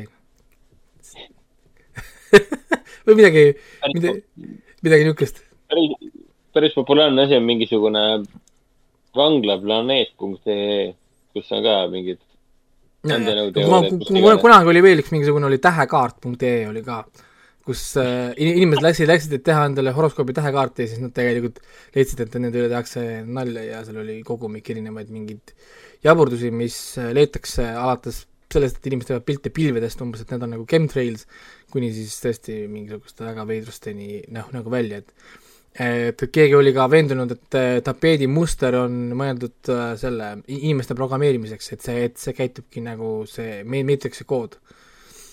ja mingi niisugust stuff'i, et noh, raske välja mõelda neid ise, sellepärast olekski vaja, et keegi selgitaks neid, kust nad, kust nad täpselt tulevad. nii et äh, jep, aga meil on kõik ju tänaseks, on ju, sest uued filmid me rääkisime, järgmine nädal rääkisite, et tuleb see Mart Sanderi Kennedy intsident ja Eternal me ei ole veel rääkinudki. ja räägime kähku tulevase filmi ka ära, et Hendrik, too meile välja filmid, mis alustavad Foorum Cinemas kinodes viiendast novembrist. viiendast novembrist, noh, tegelikult juba neljandast äh, saab äh, vaadata Foorumis teemast kinodes Marveli kõige uuemat koomiksiseiklust nimega Eternals ehk siis äh, igavesed, mis on ühtlasi hetkeseisuga ka äh, Rotten Tomatoes'is vist kõige madalama skooriga Marveli film üle väga pika aja. mul on seda raske uskuda, ma arvan, et see on mingi muu agenda taustal. ei no ma võin teile nii palju öelda, et koomiksist fännina ma saan aru, miks. sest äh, Eternals ka koomiksina sekkus natukene hilja story desse ja nüüd neil on väga raske selgitada nende mitte olemas olemist no eks siis see Eri, põhiline erinevate sündmuste ajal ja, ja see plot hole ei jäta neid rahule mitte kunagi. okei okay., ja, ja ma usun, et see film ei saa sellest üle ega ümber, aga ma tean, miks nad toovad selle sisse. ma juba tean, miks neil on vaja ühte, ühte konkreetset karakter- karakterit, sest ma olen näinud Lokit, ma tean, kuhu see läheb. ma saan aru, miks nad seda Eternalsit on vaja. Aga samal ajal võid sa krimpsutada nina, et kurat, sa tood kõndiva plot hole'i mulle sinna kuradi platsile praegu, et okei okay., põnev. mina ei tea, ma ei oska midagi oodata sellest filmist. ainuke asi, mida ma tegelikult ootan, on see, et kuidas see äh, Nomaadimaa režissööri Chloe Zhao äh,, ma ei tea, käsi kuidagi sealt välja paistab. kas üldse paistab? Aga kinodesse tuleb ka sihuke tore väike äh, armas äh, animaseiklus nimega Ainbo Amazonia süda. ja mul on ka plaanis tean, minna et- seda vaatama Artisesse perega koos. ma vaatasin jah, sa panid interest. Um, sa tuled siis äh, seitsmendal. praegu oli nagu plaan, sest see päev oli meil äh, vaba oi, väga tore. ja, ja täitsa selline plaan oli jah. mis see Plaza vastu on? Plaza, ma käin Plazas kogu aeg. La-, laste lemmikkoht ongi Plaza. Neil on aeg näha midagi muud. no, no täpselt, et rääkige kogu aeg rääkige kogu aeg Foorumis ja kui läheb ühe korra Artisesse, siis vend küsib, miks sa üldse Foorumis ei käi. no nii ongi ju. kas mina olen kordagi öelnud Raikole, miks sa üldse Artises ei käi? kas ma olen sinu, kas ma olen sinu jaoks nali või? kas, kas, kas mul oli nali? ma ei joke to you. ei, ei päriselt jah, me vaatasime, et kellaaeg ja noh, noh, päev sobis, lastega ongi tavaliselt see mure. nüüd küsimus on, et kas nad sinnamaani kõik terved on? sest nad lähevad järgmine nädal prooviga korraks lasteaeda minna ja koolidesse värks. ja, ja see on see teine, teine asi. haiguse pessa või? Et see on see sügiseti see kõige suurem challenge, nii et äh, ma loodan, et nad on, sest äh, see näeb kihvt välja, treiler neile meeldis. nii et äh, ma loodan, loodan, et, et saab minna, sest tõepoolest tahaks ja nüüd ma seekord tuleksin kolme lapsega, issand, see on neljanda äh, eesmärk. ei, neljandat ma ei võta, sest beebi, beebi pole veel käinud äh,. ma olen siiamaani käinud ainult kahe suuremaga, vaata, noh nagu kinos. siis nüüd läheks kolme suuremaga kinno. Mhm. Nii et äh, see oleks huvitav, esimene kinos käik oleks tal Artises siis, vot sulle. suurepärane, alustab kohe kultuurses kinos. erinevalt siis, siis millest? erinevalt siis, siis tühjadest Hollywoodi blockbusteritest. ei, ei, ei, ai, ai, ai, ai, no nii, no nii. Civil War, igatahes äh, liigume edasi ähm,. kinoklassika äh,, Foorum Cinemas kinoklassika novembris on ka toimumas äh, ühe väga erilise filmiga, mis haakub ühe teise filmiga, mis on tulemas ka. mis selleks filmiks küll olla võiks? oota, sorry, ma ei kuulanud praegu. igatahes äh, Foorum Cinemas kinoklassika raames äh, saab näha aa, okei, ja, ja, ja, kolmapäevil, sorry. oi, telefoni ai, ai, ai kolmapäeviti. saab näha, kolmapäeviti saab näha kuuekümne esimese aasta hittmuusikali West Side Story. see on muidugi novembris kolmapäeviti puhtalt ainult tänu sellele, et äh, detsembris tuleb ju, detsembri keskpaigas, kui ma ei eksi, tuleb ju Steven Spielbergi lavastatud uus versioon. mitte üks sõna, vaid kaks eraldi sõna, uus versioon See- äh, West Side Story'st. see West Side Story on kõikide õdede-vendade lemmiklaul. mulle meeldis neile seda laulda kogu aeg. Everything you can do, I can do better.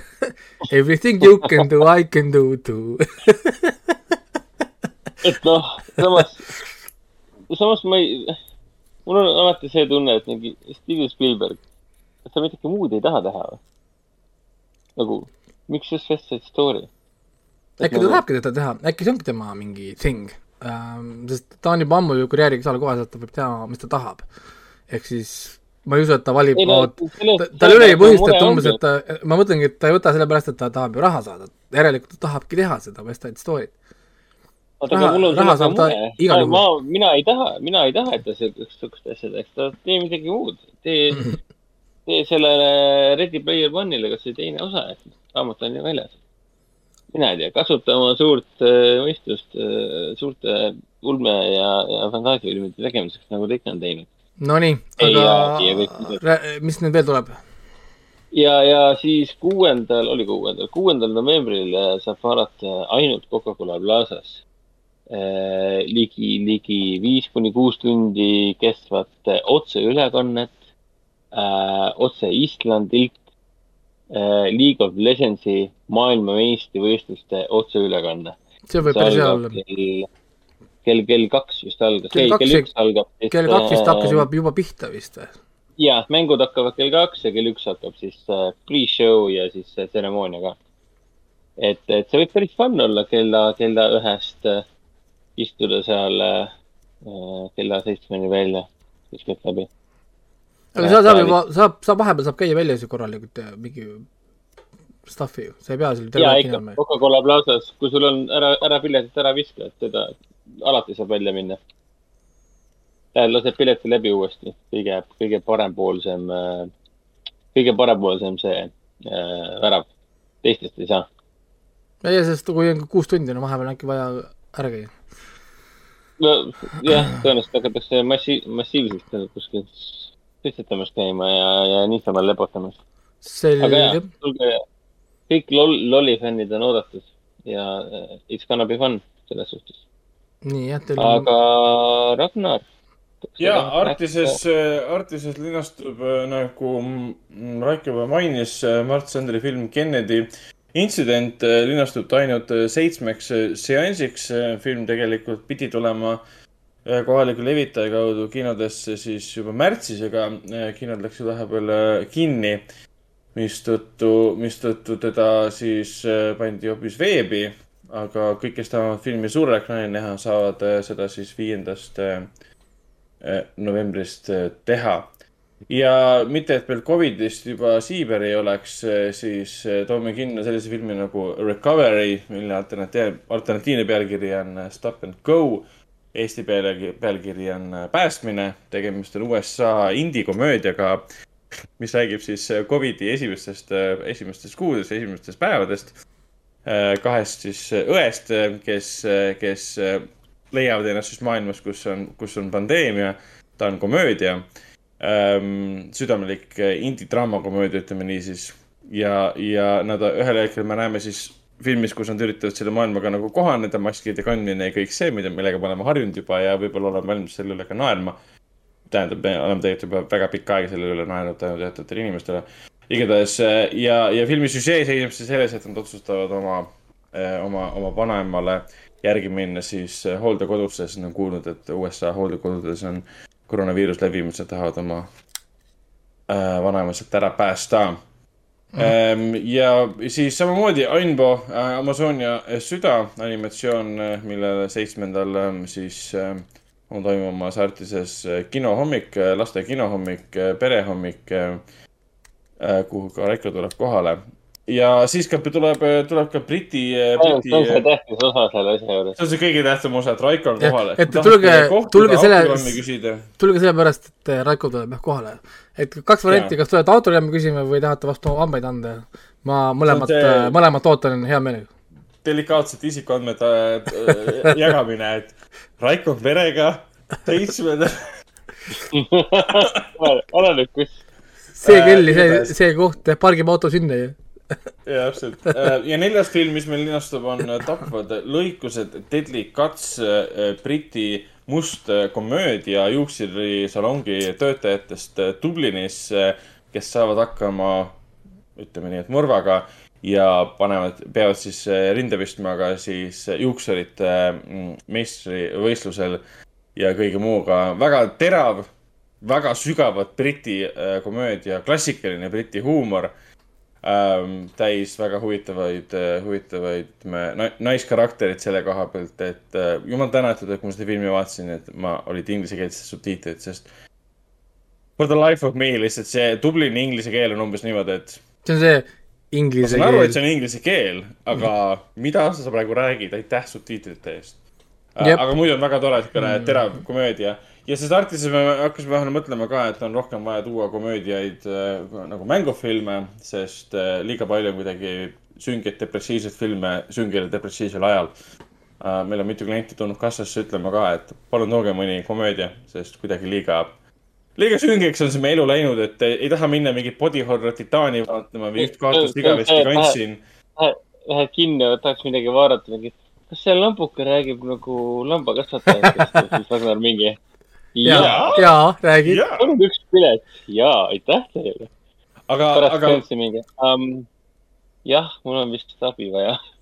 aga lambukesega seoses, lambukesega seoses eh, meie head eh, partnerid kinost eh, Sõprusest, kes selle filmiga Eestisse tõid, andsid meile lambukese märgid ehk siis, kui te tulete Artisesse, ostate kassast pileti eh, lambukest vaatama, saate kaasa lambukese märgi, hästi nunnu pisikene märk, mille saate väga hästi kinnitada kas oma hõlma külge või koti külge, see ei kuku ära ega midagi.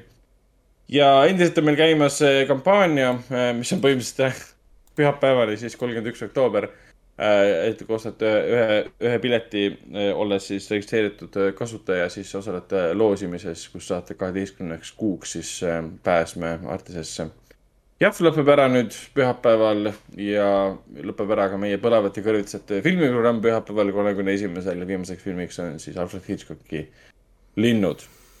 no nii. ja vi viimane asi, mis ma mainin veel, on kindlasti veel see, et kümnendal detsembril pärast PÖFFi saab näha siis äh, kahekümnenda aastapäeva puhul restaureeritud äh, Jean-Pierre Jeunet klassikalist filmi ähm, Audrey Tautoga äh, Amelie ähm, artišokk ahvatleb ürituse, ürituse raames äh,.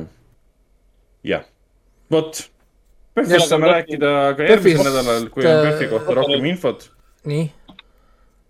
Tahtsin küsida venna käest, et, et sorry, ma juba naersin ära selle asja, et ta ütles, et seda lambukese värki saab ka ko- koti, koti külge kinnitada. et mida sa selle all mõtlesid? okei, sorry, ma pidin seda inglit ära saama. ei, ma saan aru, mida sa selle küsimusega mõtled, aga mina, see on nii far off lihtsalt ah.. olgu, Raiko, sa ei pea seda nii pikalt panema.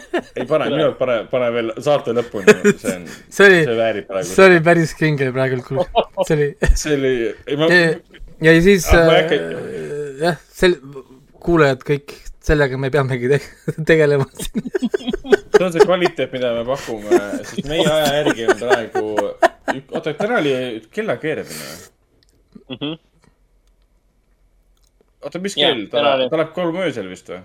mingi hetk kuskil äh, läheb tagasi aa, ei, kell, kell neli on alles, kell neli või viis. ja meil on kolm, kolm tundi veel, kolm, kolm tundi veel minna. aa, okei, okei, okei. aga ma tegelikult tahtsin öelda, et kui keegi tahab mind ka näha, siis äh, neljapäeval enne Eternalsit ma teen mälumängu väikse seal. Cinnamonis. ja Cinnamoni ka kosmosest. kosmosest neljandal, neljandal ja siis kell kaheksa, kui ma ei eksi. jep, kell kaheksa, sest ta tõsteti ettepoole, sest noh, for reasons. sest Covid on kõige ohtlikum pärast ühte-teist. jah, siis, siis kõik äh, vaktsineeritud inimesed, kes on kinos äh,, jäävad äkki haigeks, sest kell Jah. saavad kollektiivselt Covidi. kell sai üksteist, kell, kui kell kinos üksteist, tuleb Terviseameti, ameti töötajad sisse, hakkavad karjuma teie peale, miks te siin olete. saate kaig-, saate kaigast, mitte kohe, mis kõik harjuvad Jah. midagi, kohe kaigast kõigile.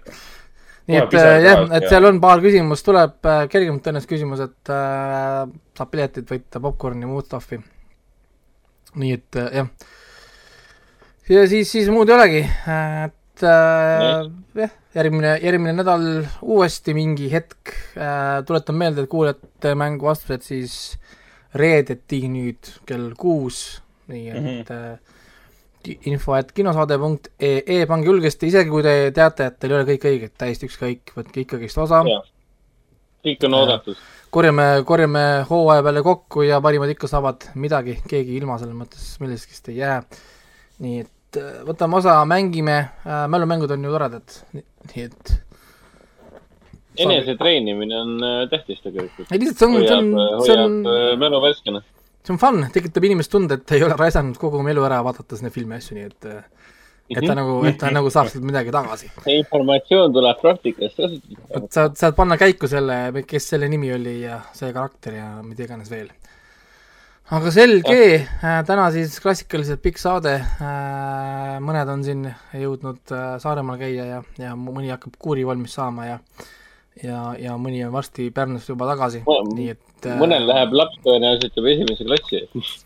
jah, et alguses ta veel käis lasteaias, aga nüüd saate lõpuks ta läheb esi- esimesse klassi. kirjutab meile järgmine kord kirja, et viisin ta just hommikul saate lõpuks lõpetas esimese klassi. et jah, ei, aga selge, meie, meie poolt siis kõik ja on meil veel midagi, mida, mida, mida keegi tahab öelda? ei, ei, ma arvan, et rohkem ei olegi, et loodame, et saite Küll- ilusti Saaremaa praamist maha ja, jah. selge, Ja aga, aga meie poolt kõik ja siis järgmise nädalani. elagu, elagu Eesti.